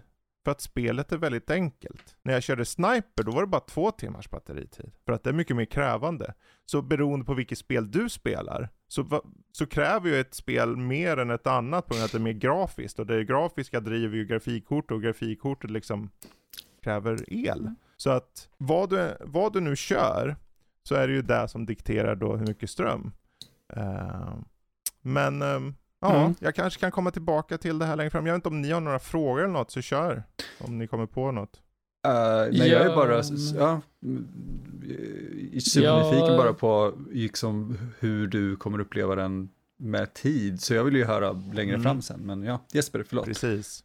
Jag tycker det, alltså, det finns ju väldigt mycket man kan göra med den här, för det är ju en PC i grund och botten, mm. så du kan ju typ fixa Game Pass på den om man typ nyxar lite grann och sånt också. Uh, fast det kanske är väldigt bökigt. Uh. Ja, som sagt, du, absolut, du kan ju på pappret ja. ja. Det är bara att Windows är inte stött officiellt. Nej. Så att eh, om du ska få in det så är, kan det betyda att du behöver ha kunskapen att kunna föra över ordentligt liksom och du ska kunna sen anpassa Windows. För an Windows kräver mer kraft än det här Linux-systemet som Steam är uppbyggt på. Eh, så att det kanske tar mycket mer resurser. Men på pappret så kan du ju. Vet, det finns ju de som har gjort, så uppenbarligen går det ju. Men det kan kräva att du som användare vet lite mer innan du tar dig an och göra det så att du inte blåser din Steam Deck och sen bara åh, vänta, det kanske var mer krångligt än jag trodde. Ja, alltså du behöver nog inte riktigt, jag tror jag såg någonting, någon som gjorde det här på Linux, man kan göra det på Linux också. För då behöver man typ ja. eh, konvertera den, för den stödjer inte exe-filer tror jag det var. Så man måste konvertera exe-filer, öppna den med något annat mm. och grejer. Så det är ju bökigt, mm. men det går ju liksom att ha hela det biblioteket på den här bärbara mm. datorn, vilket är rätt mm. intressant också. Och nu om Sony ja. då liksom har den här launchen med sina Playstation-spel, om de skulle ha trophies och sånt, så skulle det kunna bli ännu mer liksom. Så det... Ja, alltså det är, ju, det är ju upp till dig som användare. Om du vill fiffla runt lite så kan du ju. Det är bara att fördelen som Steam har, i och med att du kör med den här Steam OS-grejen, är att då är spelen anpassade för, eh, för styrningen på en gång i många spel. Medan om du då skulle starta upp Windows på den så kan det vara att du behöver själv då ställa in styrningen för varje spel separat. Som att du startar ett spel och han bara, jag vet inte ens vad din handkontroll är för någonting. Mm. Hur får du in det? Hur löser du det? Oftast i Windows då så förhoppningsvis känner den av då att eh, knappar och eh, styrspakar och sånt är typ en handkontroll. Men det vet jag ju inte än. Det vet säkert de som har testat det mycket mer. Mm. Um, med det sagt, den har ju blåtand, Bluetooth 5.0, så att utan problem så ansluter jag ju en handkontroll till den. Så det är inga problem. Om jag sitter liksom, om jag vill köra med min eh, Xbox handkontroll eller Playstation handkontroll så ansluter du bara via blåtand. Men då blir det så här kaka på kaka om jag sitter och ska lägga upp Steam-däcken jäms med äh, i soffan ja. här och sen ska jag sitta med en handkontroll. Det går ju. Jag vet för jag har testat, men det blir lite onödigt. Känns som då, då spelar man väl lika gärna på datorn, känner jag. Ja, precis. Precis. Ja. Men du kan, och det är mycket det som är poängen många gånger för PC-användare, att man vill bara veta att man kan. Att jag får möjligheten. Och det är upp till dig, du väljer själv. Blås den om du vill. du kan den, men... Uh, ja, Steam-däcken, där har vi den. Jag, jag, kanske kommer tillbaka till den vad det lider. Uh, mm. Jag har ju testat bara tio timmar ish med den. Ja. Um, alltså min, min, min hjärna stannade någonstans halvvägs genom samtalet för den började fundera på, liksom, kan jag hacka den och lägga in Windows 95 och göra det till en retromaskin? det är så här, det kommer ja, ja. det blir en jävla massa problem för att hårdvaran är ju för bra fortfarande för det, men. Ja, jag tror jag tror problemet snarare, jag tror inte det är något problem så med Windows i sig, mer som att det är stödet för spelen och stödet för Okej, okay, hur ska den känna av kontrollerna mm. och förstå att det är kontroller på den här nya enheten? Det kanske den kan, det kanske den inte kan. Det blir ett vågspel i det här fallet då. Jag tror inte det är något problem egentligen att få in operativsystemet. Det är nog den lättare biten. Det är bara supporten av spelen, supporten av själva enhetens handkontrolldel då liksom hur funkar den? Känner Windows av och säger om det här är en Steam Deck-kontroll, ja då krävs det ju att Windows, vilken Windows sa du? Windows? 3.1. Ja, ja, det kan du ju glömma kan jag säga, för den har inte stöd för någonting nya. Alltså, ska, den har ju inget stöd för typ mm. Xbox 360 handkontroll 3.11 eller någonting. Den har inget stöd för sig Men, själv. Men typ så här XP, gränsfall kanske går. Mm. Vista. Uh, det är ingen som vill använda Vista. Nej, jag skojar. Windows 7 ja, det borde gå. Mm. Uh, för ju, ju, äldre Windows, desto mindre resurser brukar de ju dra.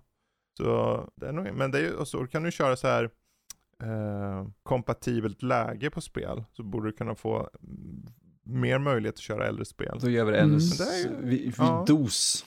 Inte dosbox, vi går till dos.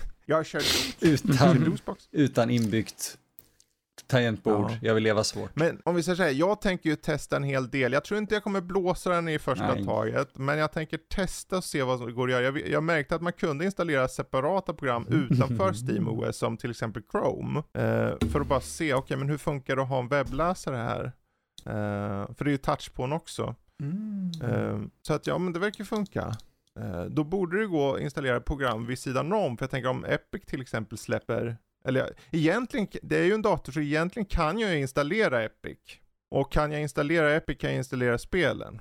Eh, skillnaden är kanske då, de spelen, det måste ju ha en, om det är på samma OS för Steam då så är det ju Linux. Så är det Linux så måste det vara Linux mm. av Epic. Finns det? Det har jag ingen aning om. Ni ser, jag svamlar. Det finns säkert någon där ute som har betydligt mer koll än mig. Ni får gärna höra av er. Skriv för all del i, i um, på Discord. Mer gärna. Eh, för, eh, för Nördliv. Och ni kan ju dessutom eh, Eh, ni kan göra det till en fråga, som till exempel i, i chatten vi har som heter Q&A för podden. Skriver ni i den chatten så kommer vi ta upp det i eh, nästa veckas avsnitt eller någon vecka senare beroende på om det är många eh, för frå frågor. Så bara hoppa in på vår hemsida nörliv.se. tryck på det här fältet på höger sida som är en Discord-fält, connect, så kommer ni rakt in. Ställ frågor, hör av er, berätta vad jag, vad jag har missat för någonting om den här eminenta Steam Deck. Mm.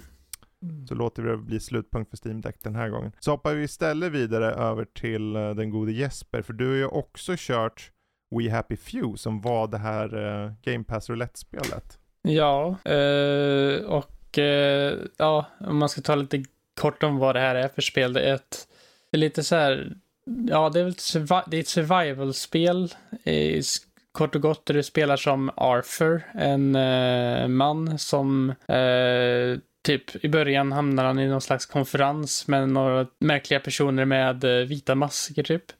Och eh, sen får han rymma därifrån och så hamnar han i staden Wellington som är typ det är, en stad, det är Wellington på 1960-talet eller någonting när eh, typ det, under kriget eller någonting är det väl, ja jag har inte kommit jättelångt in i spelet, men det är i alla fall du eh, spelar som honom medan det, han måste typ liksom gömma sig för alla som han möter eh, och inte verka vara liksom suspicious för då kommer de anfalla en och då kommer det inte gå bra för dig.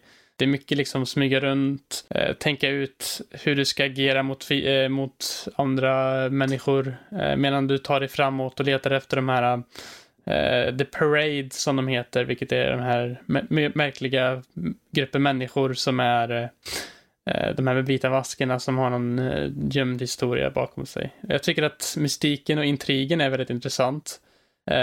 det finns, alltså det blir mer och mer story som kommer ju längre in du spelar som ger liksom mer liksom kontext till vad som har hänt i världen. För det är väldigt speciell stämning i det här spelet. Jag får mycket Bioshock-vibbar av mm. eh, menyer och liksom eh, mycket av grejerna. För det är liksom, mm. det har ju det här, eh, eller Bioshock blandat med typ Fallout liksom i okay. hur det funkar. Men ja, tycker det är ett intressant spel eh, som har, ja, det är ganska unikt också. Det är liksom du ska överleva i en semi-öppen värld i den här staden i början i alla fall. Där du ska springa runt och leta efter resurser du ska överleva med. Mm. Och sen smyga runt, ta dig an typ fiendecamps och smyga runt och hitta grejer för att ta dig vidare i storyn. Typ. Det är lite peka-klicka-element ish i spelet. Du ska typ mm. passa ihop olika föremål och grejer och liksom använda föremål på specifika sätt för att ta det vidare. Eh, vilket kan bli ganska förvirrande tycker jag, eh, som inte är så van med sånt. Så jag sprang runt mm. som en yr höna ibland och bara typ, vad ska jag göra nu? Men eh, till slut hittar man ju och då känner man liksom den här uh, kicken av att ah, nu lyckades jag ju komma vidare. Men jag tycker att det är ett väldigt intressant spel som jag kanske kommer köra vidare på senare också. Men uh, ja, det var Kul att ja, testa det. Intressant. Ja, vad kul. För jag tänker det spelet, jag kommer ihåg vad mycket snack om det mm. innan det kom. Och sen kom det och gick bara. För folk jämförde ju väldigt mycket med just Bioshock och Bioshock Infinite.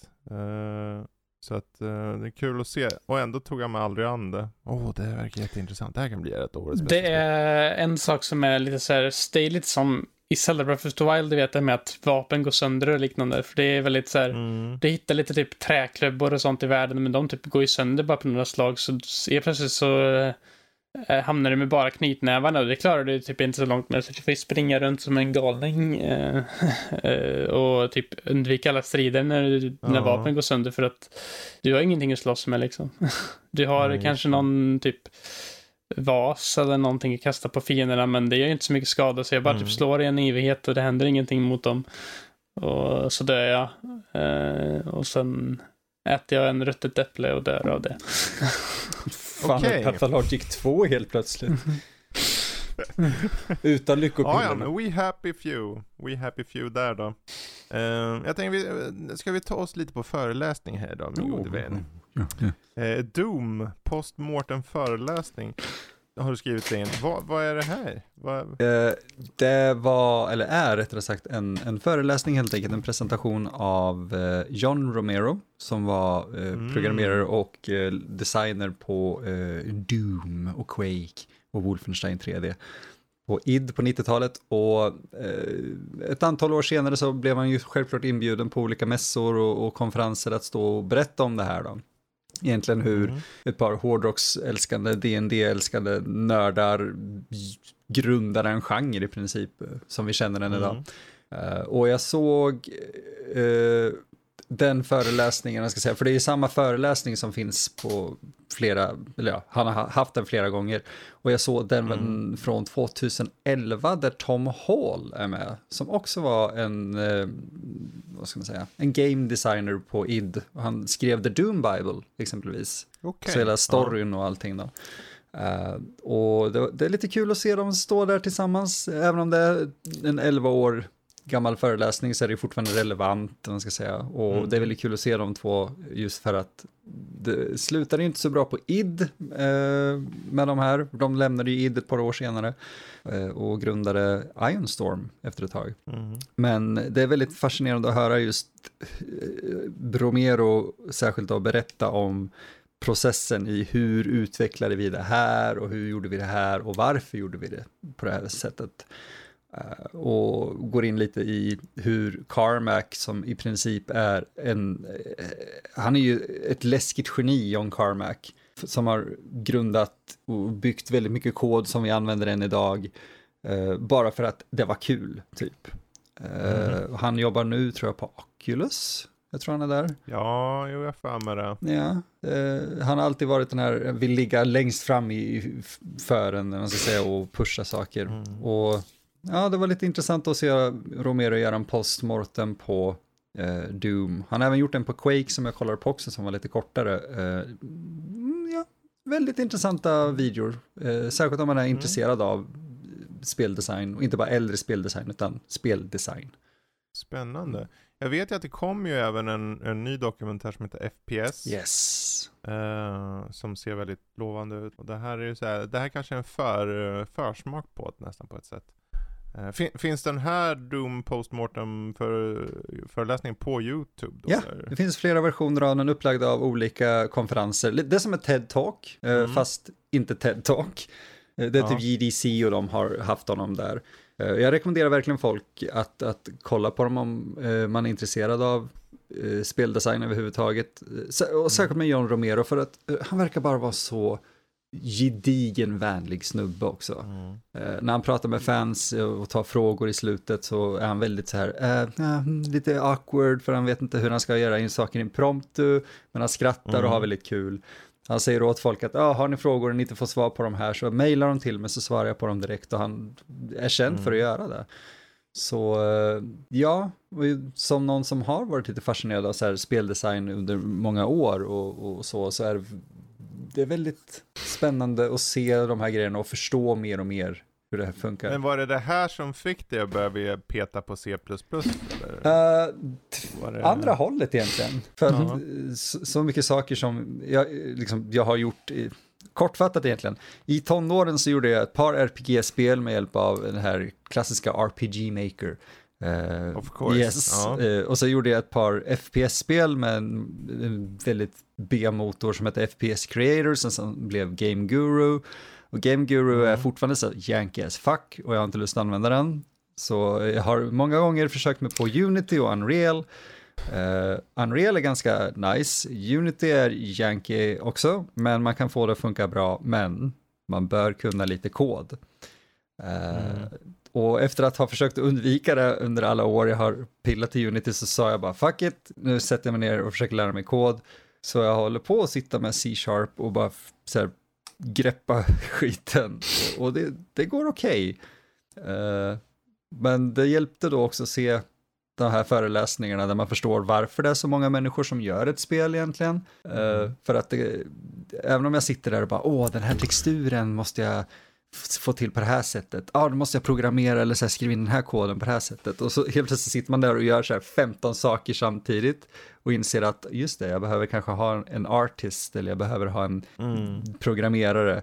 Uh, men skärmen är också just det att idag är allting så lättillgängligt att man kan göra det själv. Så mm. vi får se, jag hoppas på att ha någonting att visa upp någon gång i framtiden.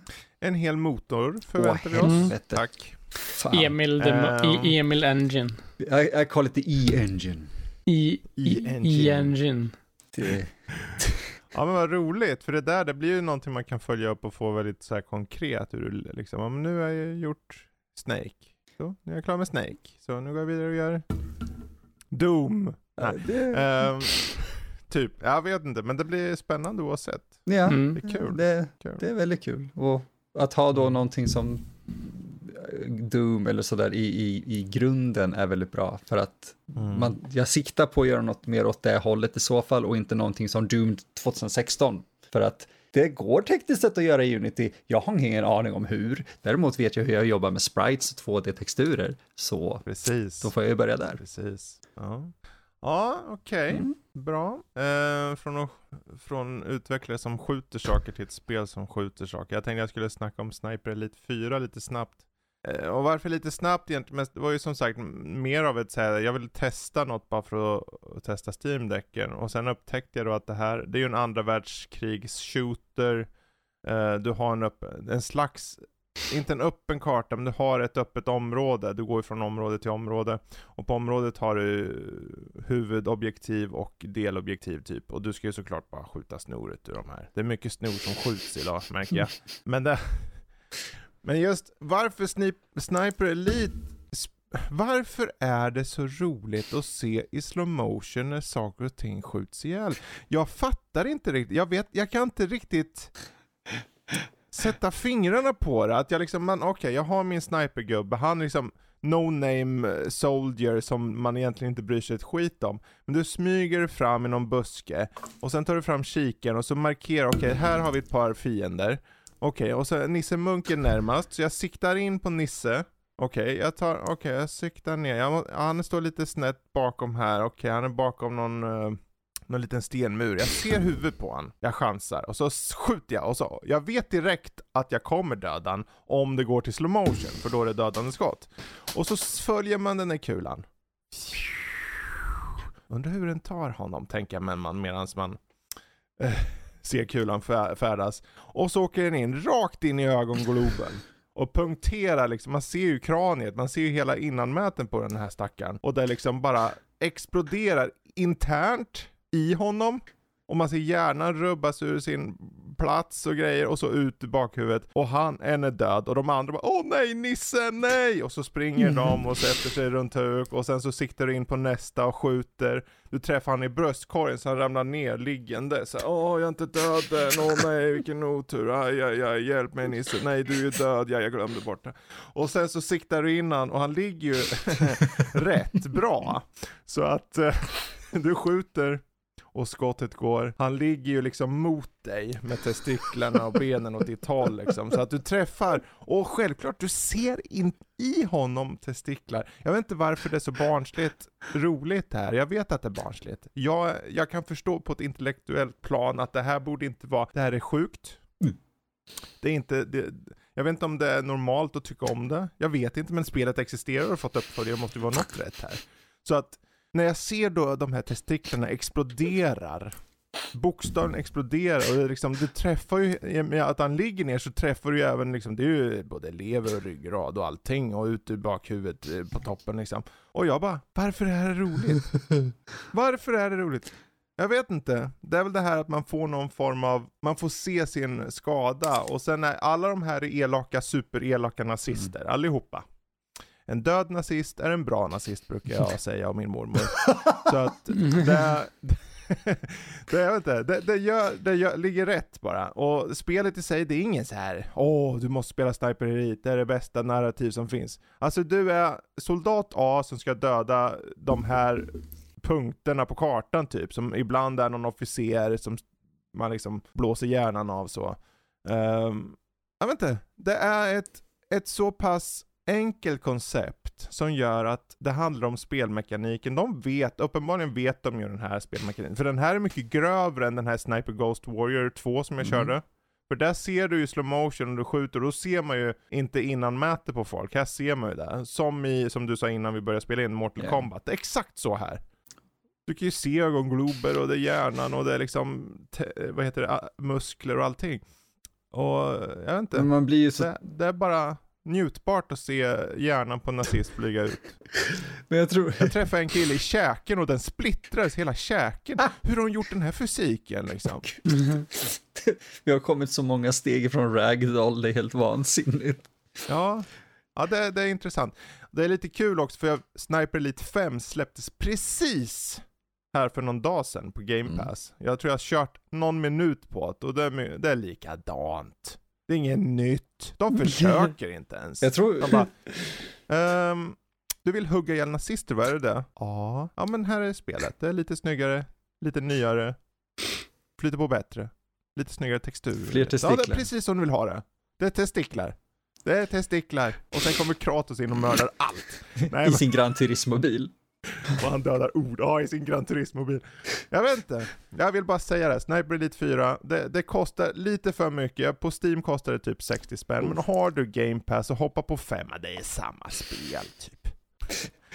Jag har inte kört, förvisso, med, med all respekt, jag har ju inte kört mer än ett par minuter bara på femman, så det kanske är en enorm skillnad, men ja. Alltså den serien är ju känd för sina röntgenbilder och jag tror inte att femman jo jag, återigen, jag blir jätteglad och överraskad eh, om någon överraskar mig och säger att nej, det har mycket mer till sig. Fucking fine, jag blir jätteglad. Jag, jag ser ju på Steam här, det är liksom väldigt positiva står det på alla recensioner. All, ja, mm. Alla Så. recensioner kommer stå ja, testikel går att ha sönder igen. Det är där det kommer stå och det är det alla kommer bry sig om. Det är så, jag vet inte varför jag är så barnslig, jag vet inte. Men det är det där, det, det, är så tilltalande att se, precis som du sa, att se det här, man, den skalan man års, åstadkommer liksom lite grann. Eh, mm. Uh, och jag tror tror det är det. Samma sak det här visceral-känslan i, i Mortal Kombat, i uh, Sniper Elite, att bara se vad man kan göra. Det, det är som när man eh, orsakar mer skada i typ Quake eller Doom också till en fiende, mm. för då sprängs de i gips.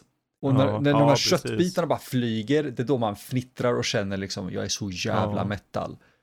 Det, det är någonting. Det bör ju säga så här att det finns co-op i det här. Det finns co-op och det finns liksom, sen är det ju såklart, det är ju sniprandet som är det roliga. Det är ju inget, det, du har massor med andra vapen, du kan kasta gran...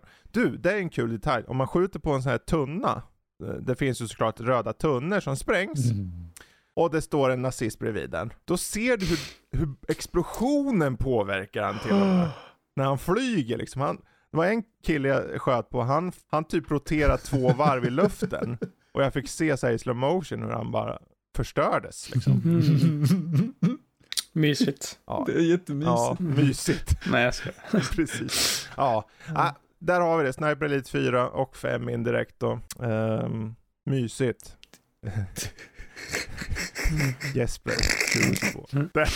Det, är den, det är den citatet vi ska se till att få in på Steam-sidan. Ja men det är ett bra citat ja. liksom, för det är, så, det är så enkelt och nästan underwhelming på ett roligt sätt så här testikelskjutande på hög nivå. Mysigt. Jesper, 2022. Ja. Sådär. Ja men det är bra. Underwhelming. Uh, men vi, ja, ja. Vi, vi, skiter i, vi skiter i Sniper och hoppar över till Jesper igen. För jag tycker det här, Eh, Kid Icarus Uprising, du hoppar ju tillbaka till 3DSen eller? Ja. Eh, ja. Det här är då eh, Masahiro Sakurais eh, spel från, jag tror 2012. Det är skaparna av Super Smash Bros som har gjort det här uh, Kid Icarus-spelet. Kid Icarus är ju en väldigt gammal spelserie från Nessen. Eh, gamla mm. 2D-plattformsspel från början med eh, grekisk mytologi.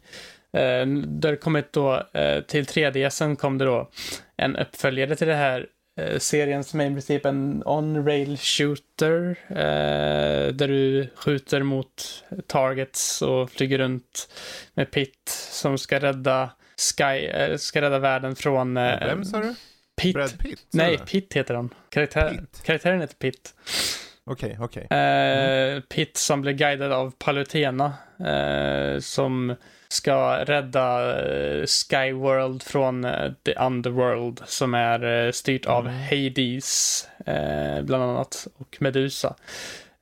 och det här gör han då i olika kapitel som är indelade i två sektioner. En sektion som är Sky Battles och en som är Ground Battles. I Sky så mm. flyger du runt och skjuter fiender bara medan i Ground så får du gå runt och eh, följa en pil till nästa objektiv där du slår lite fiender och dödar bossar och lite sånt. Eh, och eh, jag tycker att Sky är betydligt roligare för att i Ground så är kontrollen så bökig för du måste typ röra runt kameran med din med touchpaden samtidigt som du går runt med styrspaken. Vilket blir lite så här frustrerande. Dock, jag tycker faktiskt att det här spelet är bland det bästa faktiskt jag har kört på 3DS. Den har en sån, mm. eh, alltså det manuset de har är väldigt bra välskrivet tycker jag. Det är mm. komedi och eh, liksom, liksom bra, ja det är bra pacing, det finns karaktärsutveckling med han Pitt då, han träffar på Dark Pitt som är hans counterpart. Uh, eller Pit... Alltså, det finns jag har varit duktig på att inte snacka. Jag ser dig Ja, jag vet. Jag ser dig Jag vet. Ja, förlåt Jesper, ja, förlåt. Uh, eller Pit2 som de kallar honom för också. uh, men ja, det, det är hans namn liksom. Eh, men ja, eh, då, ja, det finns referenser till typ alla möjliga sorters spel. Det, det bryter fjärde väggen typ hela tiden. Eh, typ säger att den är ett spel hela tiden. Typ och, eh, de här fienderna, det, det finns fiender som ser ut som Metroids, eh, om ni vet från Metroid-serien. Eh, ja, ja, ja. Det är inte Metroids, men de ser ut som det. Och då säger Fitz, that, that looks a awfully lot like uh, Metroids. No pits, that's not uh, Metroids. Så det finns väldigt mycket referenser till olika ja. spel och sånt. Men uh, om du har ett 3D så tycker jag definitivt att det här är ett spelet är värt att checka mm. in faktiskt. Är det bara 3DS eller går det även på så här 2DS? Och sånt, det, alltså eller? 2DS och 3DS, det, alltså det är ju en det är inget spel som är exklusivt till New 3DS. Det finns ju vissa, det är typ tre Minecraft och Cineblade Chronicles 3D som jag tror mm, det är de enda jag kan komma på som är två, tre, New 3DS exklusiva spel. Men det här mm. spelet är ju från början till när typ 3DS släpptes. Så det här spelet går att spela på 2DS och 3DS. Eh, så det, okay. ja. Ja, för det här, jag har ju hört så mycket om de här Kid Icarus, men jag har ju aldrig kört något sånt. Mm. Uh... Det var det första Kid Icarus jag har kört. Jag har inte kört de andra två. Uh. Det finns referenser till, uh, vad heter det, de två tidigare spelen. Uh, lite så här, you've seen these enemies before, Pit och grejer, säger de, säger de. Men mm. du behöver definitivt inte ha spelat Kid Icarus 1 och 2 för att komma in i Kid Icarus 3 eller Uprising då. Det är väldigt fristående, det är en helt annan typ av genre. Ja. Det kom ut typ 15-20 år efter de spelen också. Så det... Men vänta nu lite, förlåt. Men du, man spelar som Pitt sa du? Ja. Men vem är Kid Icarus då? Det är en typ, alltså jag vet inte om det är hans typ titel. Alltså han är, han är Pitt. En ängel typ som... Uh... Okej. Okay. Ja. ja. Jag trodde man spelade en unge som hette Icarus. Nej, du spelar Pitt. Uh, heter han. Ja. ja, det väl, men det där, jag hade ju samma mm. sak. Ja. För jag hade ju, när jag inte hade kört eh, Zelda så tänkte jag, men han heter väl Zelda då? Mm. tänkte jag länge. Det tänker typ alla som inte har spelat. precis, precis. Ja.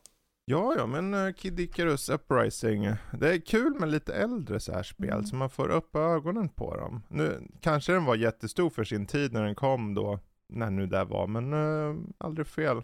2012 tror jag. Uh, oj. Det ja, är ganska gammalt. så länge sedan. Alltså, det är inte jag, så jag har haft det på kartan sedan dess ändå. Så, ja. jag... det, är, det är dock förvånansvärt snyggt på 3DSen också tycker jag. Det ja. har lite, alltså det är ju inte liksom next gen på något sätt, men de har väldigt fina 2D artworks och sånt. Mm. Uh, och det finns, ja. Uh, det, det, har eh, också lite så här, det tar ju väldigt mycket inspiration från, eller det, jag tror att det egentligen inte tog inspiration från det, utan det gav det, utan i Super Smash Bros 4 så finns det mm. en eh, typ difficulty slider där du kan typ väga upp på en våg eh, med allt från 1,0 till 9,0 som 1, eller 0,0 mm. är det förresten. 0,0 är effortless, då är det liksom easy peasy jättelätt.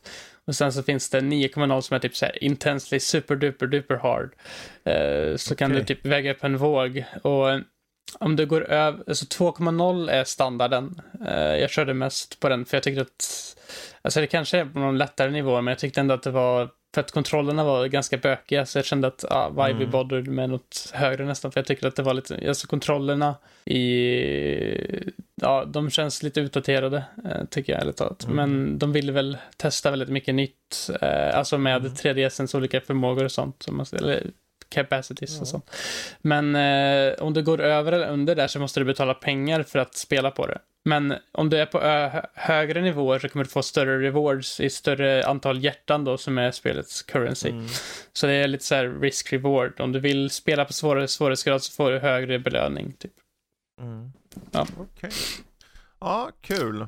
Um, jag tänker att jag kan ju ta och riva lite snabbt av både Obi-Wan och Stranger Things. Mest för Obi-Wan är bara två episoder än så länge. Uh, och den sätter vi egentligen upp, det här är ju tio år efter uh, prequel-trilogin. Eller prequel, jo prequel-trilogin. Och Obi-Wan befinner sig på Tatooine. Han skulle ju övervaka då unge Luke. Eh, tyvärr så eh, händer det saker som gör att han kanske måste ta sig ut ur eh, sin gömma. Han gömmer sig typ någon jäkla grotta typ någonstans. Eh, för det är ju såklart de här inkvisitörerna, eller inquisitors som jobbar under Darth Vader. Ehm, och där har du egentligen uppbyggnaden av de två avsnitten. Det är ju, jag, jag tror den stora fördelen här är den gode Ewan McGregor. För han han, han är ganska, han är väldigt, är väldigt, han är en sorglig karaktär här. Han, är, han har gett upp om allt. Han, eh, de förlorade, säger han bara. Mm. Vi har förlorat, det är förlorat. Jag förlorade inte bara kriget, han förlorade ju även Anakin. Han, han är liksom, han har inte använt kraften, han, jag tror han nästan har gömt kraften för att inte nå den. Så när han då blir tvungen att ta sig ut ur gömman, så att säga, så är det så här att, ja, men hur är det egentligen att ta sig tillbaka lite? Det är inte så djupt som jag får det låta, men det är liksom ändå, det finns där och han som skådis får det att reflektera i sitt skådespeleri på ett väldigt bra sätt. Eh, Inkvisitörerna, det är ju en då som heter Riva, som är en ny karaktär. De har ju fört in lite nya sådana här karaktärer här och var som är ganska badass. Hon är väldigt rå. Hon dödar folk liksom i första avsnittet. Ja men inte, jag tror det, nu parafraserar jag, men uh, hon kommer till Tatooine och letar efter jedis. Inte nödvändigtvis Kenobi då, men uh, i allmänhet, för de jagar ju dem uppenbarligen. Uh, och hon typ ställer sig mitt i, i stan bara och säger, ja men nu, nu behöver ni berätta vad, vad som, vad ni vet, utmätt. Folk bara, va? Nej. Alltså jag kommer hugga händerna av er. Om inte ni berättar. Alltså jag, jag, hon kommer hot liksom. För att om jag hugger händerna av ni så kommer ni alltid så här, varje gång ni sträcker er efter något så kommer ni komma ihåg att, att eh, ni har blivit av med någonting. Liksom så. Och så är det någon som inte riktigt säger något, som bara går fram och hugger hund, mm. handen av. Okej, okay. det är alltid någon som blir av med en hand i Star Wars, så är det ju. Um, okay. Men det är bara vanligt folk. Um, och det, det, det, sätter upp, det, jag tycker det var ganska bra start. Det fanns en del punkter som jag varit lite så här, hmm, om. Ungefär som att eh, inkvisitörerna har ju hållit på i tio år. Och uppenbarligen arbetar de ju under någon. Men Obi-Wan vet inte om Anakin. Han tror han är död. Jag hade typ någonstans hört om Darth Vader och lagt liksom 1 plus 1 lika med 2. Men okej, okay, fine. Jag kanske var lite insnöad. Så jag, men eh, så det, ja, men jag tycker det är en bra start. Det är ganska, det är okej okay regisserat. Det är lite såhär pacing i första avsnittet, lite såhär on-off. Mest för att han försöker bryta sig han, han är fast i vanor vid det här laget. Mm. Ska han verkligen bryta sig ut ur sin gömma för att hjälpa, eller inte? Eh, eh, skådespeleriet är en viss karaktär som tyvärr spelas av en ung flicka. Hon är säkert jättesnäll i verkligheten. Men jag vill ju bokstavligen skjuta mig själv när skådespeleriet hos den här karaktären. För det är inte bra. Det är inte bra alls. Barnskådespelare brukar så här ha en tendens att kanske inte vara det bästa och det får man överse med. Men i det här fallet tänker jag, ni, ni är ju den största franchisen i världen. Så. Ni har ju hur mycket pengar som helst, ni borde. Men ja, hon kanske blir bättre. Det var i andra avsnittet den här karaktären kommer in och, och fine, det kanske blir bättre. Um, så det är Obi-Wan. Börja titta om ni känner för det. Jag tror det kan vara bra. Det är bara runt sex avsnitt, så det är nog inte så lång tid kvar. De släppte ju två avsnitt första. Jag vet inte om de släpper två avsnitt i veckan eller hur det är, men... Ja, ja. Jag hörde att det var väldigt likt typ tecknade serierna i stilen eller någonting. Att det var mycket referenser från eh, typ Rebels eller vad det nu var. Eller var det... Alltså det är ju egentligen Clone Wars. Clone Wars menar jag. Clone Wars. Ja. ja. Men det är ju, Clone Wars bygger ju upp eh, Obi-Wan ganska mycket. Så. Mm. så att det är klart att det finns, du har ju till och med en jag kan ju dra det, det är som en spoiler men det är ändå inte en spoiler. Det är liksom, I avsnitt två så går Obi-Wan, han tar sig till en annan plats och på den här platsen så står det, sitter en veteran och ge en slant till en krigsveteran. Och så är det ju en klam, gammal klon, oh. spelad av Temuera Morrison, a.k.a. Boba Fett också då, uppenbarligen. Så det, det, är kul ändå att de gick all in i det lite så. Men um, det finns en del saker och det, det kanske kommer mer sånt. Tro det eller ej, det, här ja. är den Star Wars-saken eh, jag har varit exalterad för i över tio år. Mm. Det som är lite så här, det är ju, de anspelar ju på Darth Vader, så det, jag, jag, av det jag har sett nu, det, det är bara en tidsfråga. Om ja, han kommer dyka upp, garanterat. Ja, ja. Men jag tror att Hayden Christensen till och med spelar honom, har jag för mig att jag läste. Och det, ja, ja, han är tillbaka. Det, det tycker Precis. jag är briljant, för han fick så oförtjänat mycket skit. Ja. Uh, det är ju inte hans fel att de skrev nej, manus så. Nej, exakt. Mm. Det är inte hans fel att han blir regisserad så. Exakt. Jag har sett han i andra filmer när han var bra, som House till exempel. Åh, den är så bra. Oh. Den är fin. Så, men Obi-Wan, två avsnitt. Eh, och sen slutligen tänkte jag berätta lite snabbt om eh, Stranger Things. Stranger Things säsong 4. De släppte ju alla, nästan alla. Det är sju avsnitt, det är två till som kommer släppas i juli, första juli eller runt först, början på juli. Som avslutar säsongen. Jag vet inte varför de har delat upp det så. Sju avsnitt nu, två sen. Men, de klipper fortfarande eh, de två sista. Du, ah, det kanske är yeah. så, för i sista avsnittet av det, här, av det här som har släppts hittills så var det på ett ställe väldigt B eh, CGI. Medan i alla tidigare var det så här, Uff, det här är ju fan vad påkostat, det såg väldigt bra ut. Mm. Alltså det, anspelar, det utspelar sig under 1986 den här gången. Så det har gått ett år eller två. Och eh, efter, de som vet hur det slutar i, i förra säsongen, spoilers, men Hopper försvinner ju troligt, eh, många tyckte, trodde han var död. Han visar sig vara i Ryssland. Eh, och ni som vet, var, ni, ni, vet ju kanske som har sett säsongen innan att det var ryssar som tog sig till, till Hawkins och försökte göra experiment under stan och grejer. Men den här gången så, så är det helt enkelt att eh, du får följa mer eller mindre ett par olika karaktärer som är i grupp grupperingar nästan. Som att den här gruppen karaktärer får du liksom följa nu på det här spåret, och här samtidigt det här, och sen så hoppar de mellan de tre hela tiden. Uh, Eleven får ett eget spår, och jag skulle säga utifrån alla de här avsnitten hittills nu så är Elevens det svagaste. För att där handlar det om att hon tar sig tillbaka till den här basen och hon får gå under den här liksom um, den här ledaren som hjälpte henne i, i första säsongen och grejer. Uh, och det var lite så här, jag vet inte, jag ser, ju, jag ser ju vad ni vill säga med att men det tar för lång tid och det är för ointressant bara. Medans det som är köttet i serien, det är den nya bad guyen. Och det handlar mer eller mindre om possessions på sätt och vis. Och hur, hur den här bad guyen typ urvinner eh, energi och, och, livsenergi ur eh, folk genom att bara ta den från dem och han gör det genom att bara ta upp dem i luften och bara knirkla ihop varje ben i hela kroppen på dem och ansiktet förvrängs. Eh, knak, knak, knak och så faller de ihop döda. Och den första gången det sker så är det ju såklart hos eh, skolans eh, lite så här. han är en snubbe som säljer lite så här weed och sånt. Så Mm. hela stan tror jag att han är den som gjorde det här på den här, för det var high, det var high school cheerleadern som, som olyckligtvis var den som dog. Och brukar aldrig vara hos han då, men hon skulle köpa, för hon hade ju haft så här visioner och grejer. Men det vet ju ingen annan av monstret i fråga.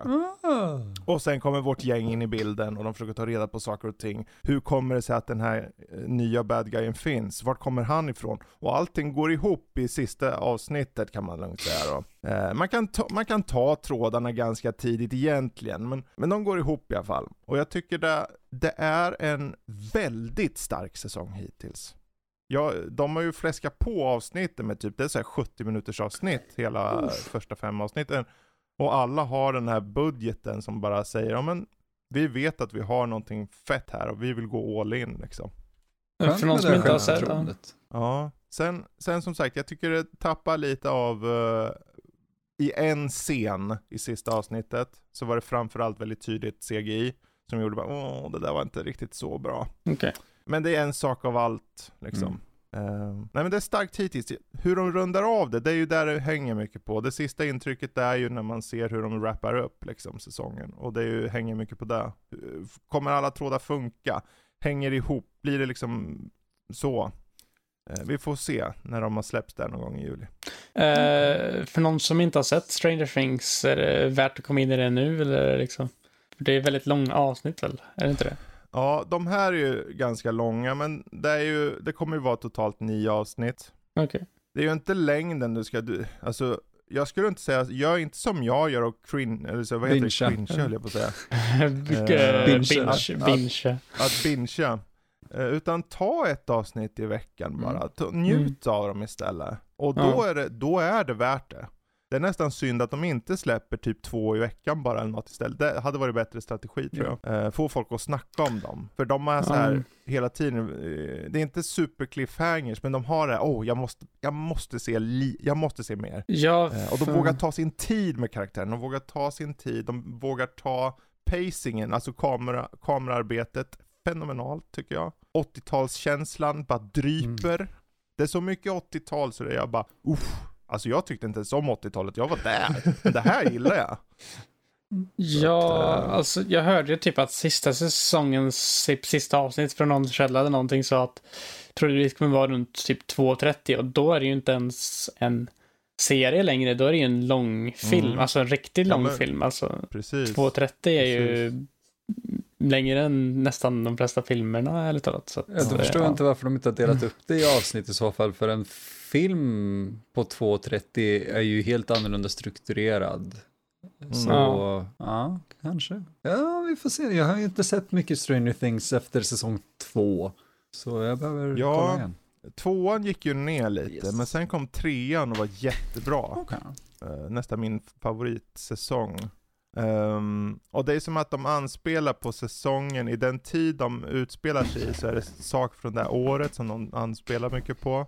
Eh, vilket jag tycker om. Men det är inte som att de gör en grej av det, utan det bara sker. Så. Jag, jag kommer ihåg en sak jag faktiskt störde mig på om jag ska vara väldigt nitpickig. Men det är verkligen bara Mm. för att det är jag. Och jag tror det är, om det är ett avsnitt som utspelar sig eller om det är omkring det året där, där The Thing släpps. Om det är 83 eller 82 eller 80 någonting. Jag kommer inte ihåg. Eh, Men någon av ungarna har en The Thing-plansch på väggen och jag är så här, "Åh, ingen unge hade haft den planschen på väggen av två anledningar. För det första, de hade inte fått se den och det var en flopp. Mhm. Mhm. Så, men det var så här, de fångar känslan av 80-talet, din Ja. nitpickiga fan, acceptera det bara. Ja, alltså det är ju anakronistiskt säkert så sett till vad de har på väggar ibland och så. För det är så här kultgrejer för oss, men kanske inte på det, när det kommer Ja. ut. Så är det ju mycket säkert. Men det fångade ju Mm. känslan och det var det som var det viktiga. Ja, ja, ja. Det är ju så här om du hade någon obskyr film som kom det året som var egentligen rätt för dem att ha på väggen och sen visade sig inte vara någonting och sen 20 år senare är ingen som kommer ihåg det överhuvudtaget. Då hade du så här, men vad är det, vad är det där? Men, ja. Ehm, bra, vet ni vad? Jag tror definitivt vi ska nog runda av här. Faktiskt. Jag vet vi hade nog mer saker att ta upp, men jag tror det får bli eh, slutpunkten där. Och eh, med tanke på att vi pratade om Nino Kuni Crossworld som var typ ett mobilspel fast ändå inte. Så tänkte vi göra en fråga av det. Mm. Typ vilket känt spel skulle faktiskt funka på mobil? Kan det vara Zelda, Kirby, Doom RPG, Kid Icarus som jag var inne på. Men vi kommer ha mängder av de här uh, svaren då att välja och vraka bland på, på vår Discord inne på omröstningar. Så om ni inte redan är med på vår eh, Discord så hoppar ni bara in på nördliv.se, trycker på, på knappen eh, connect så kommer ni in. Så kan ni vara med i omröstningen och, och, och rösta såklart.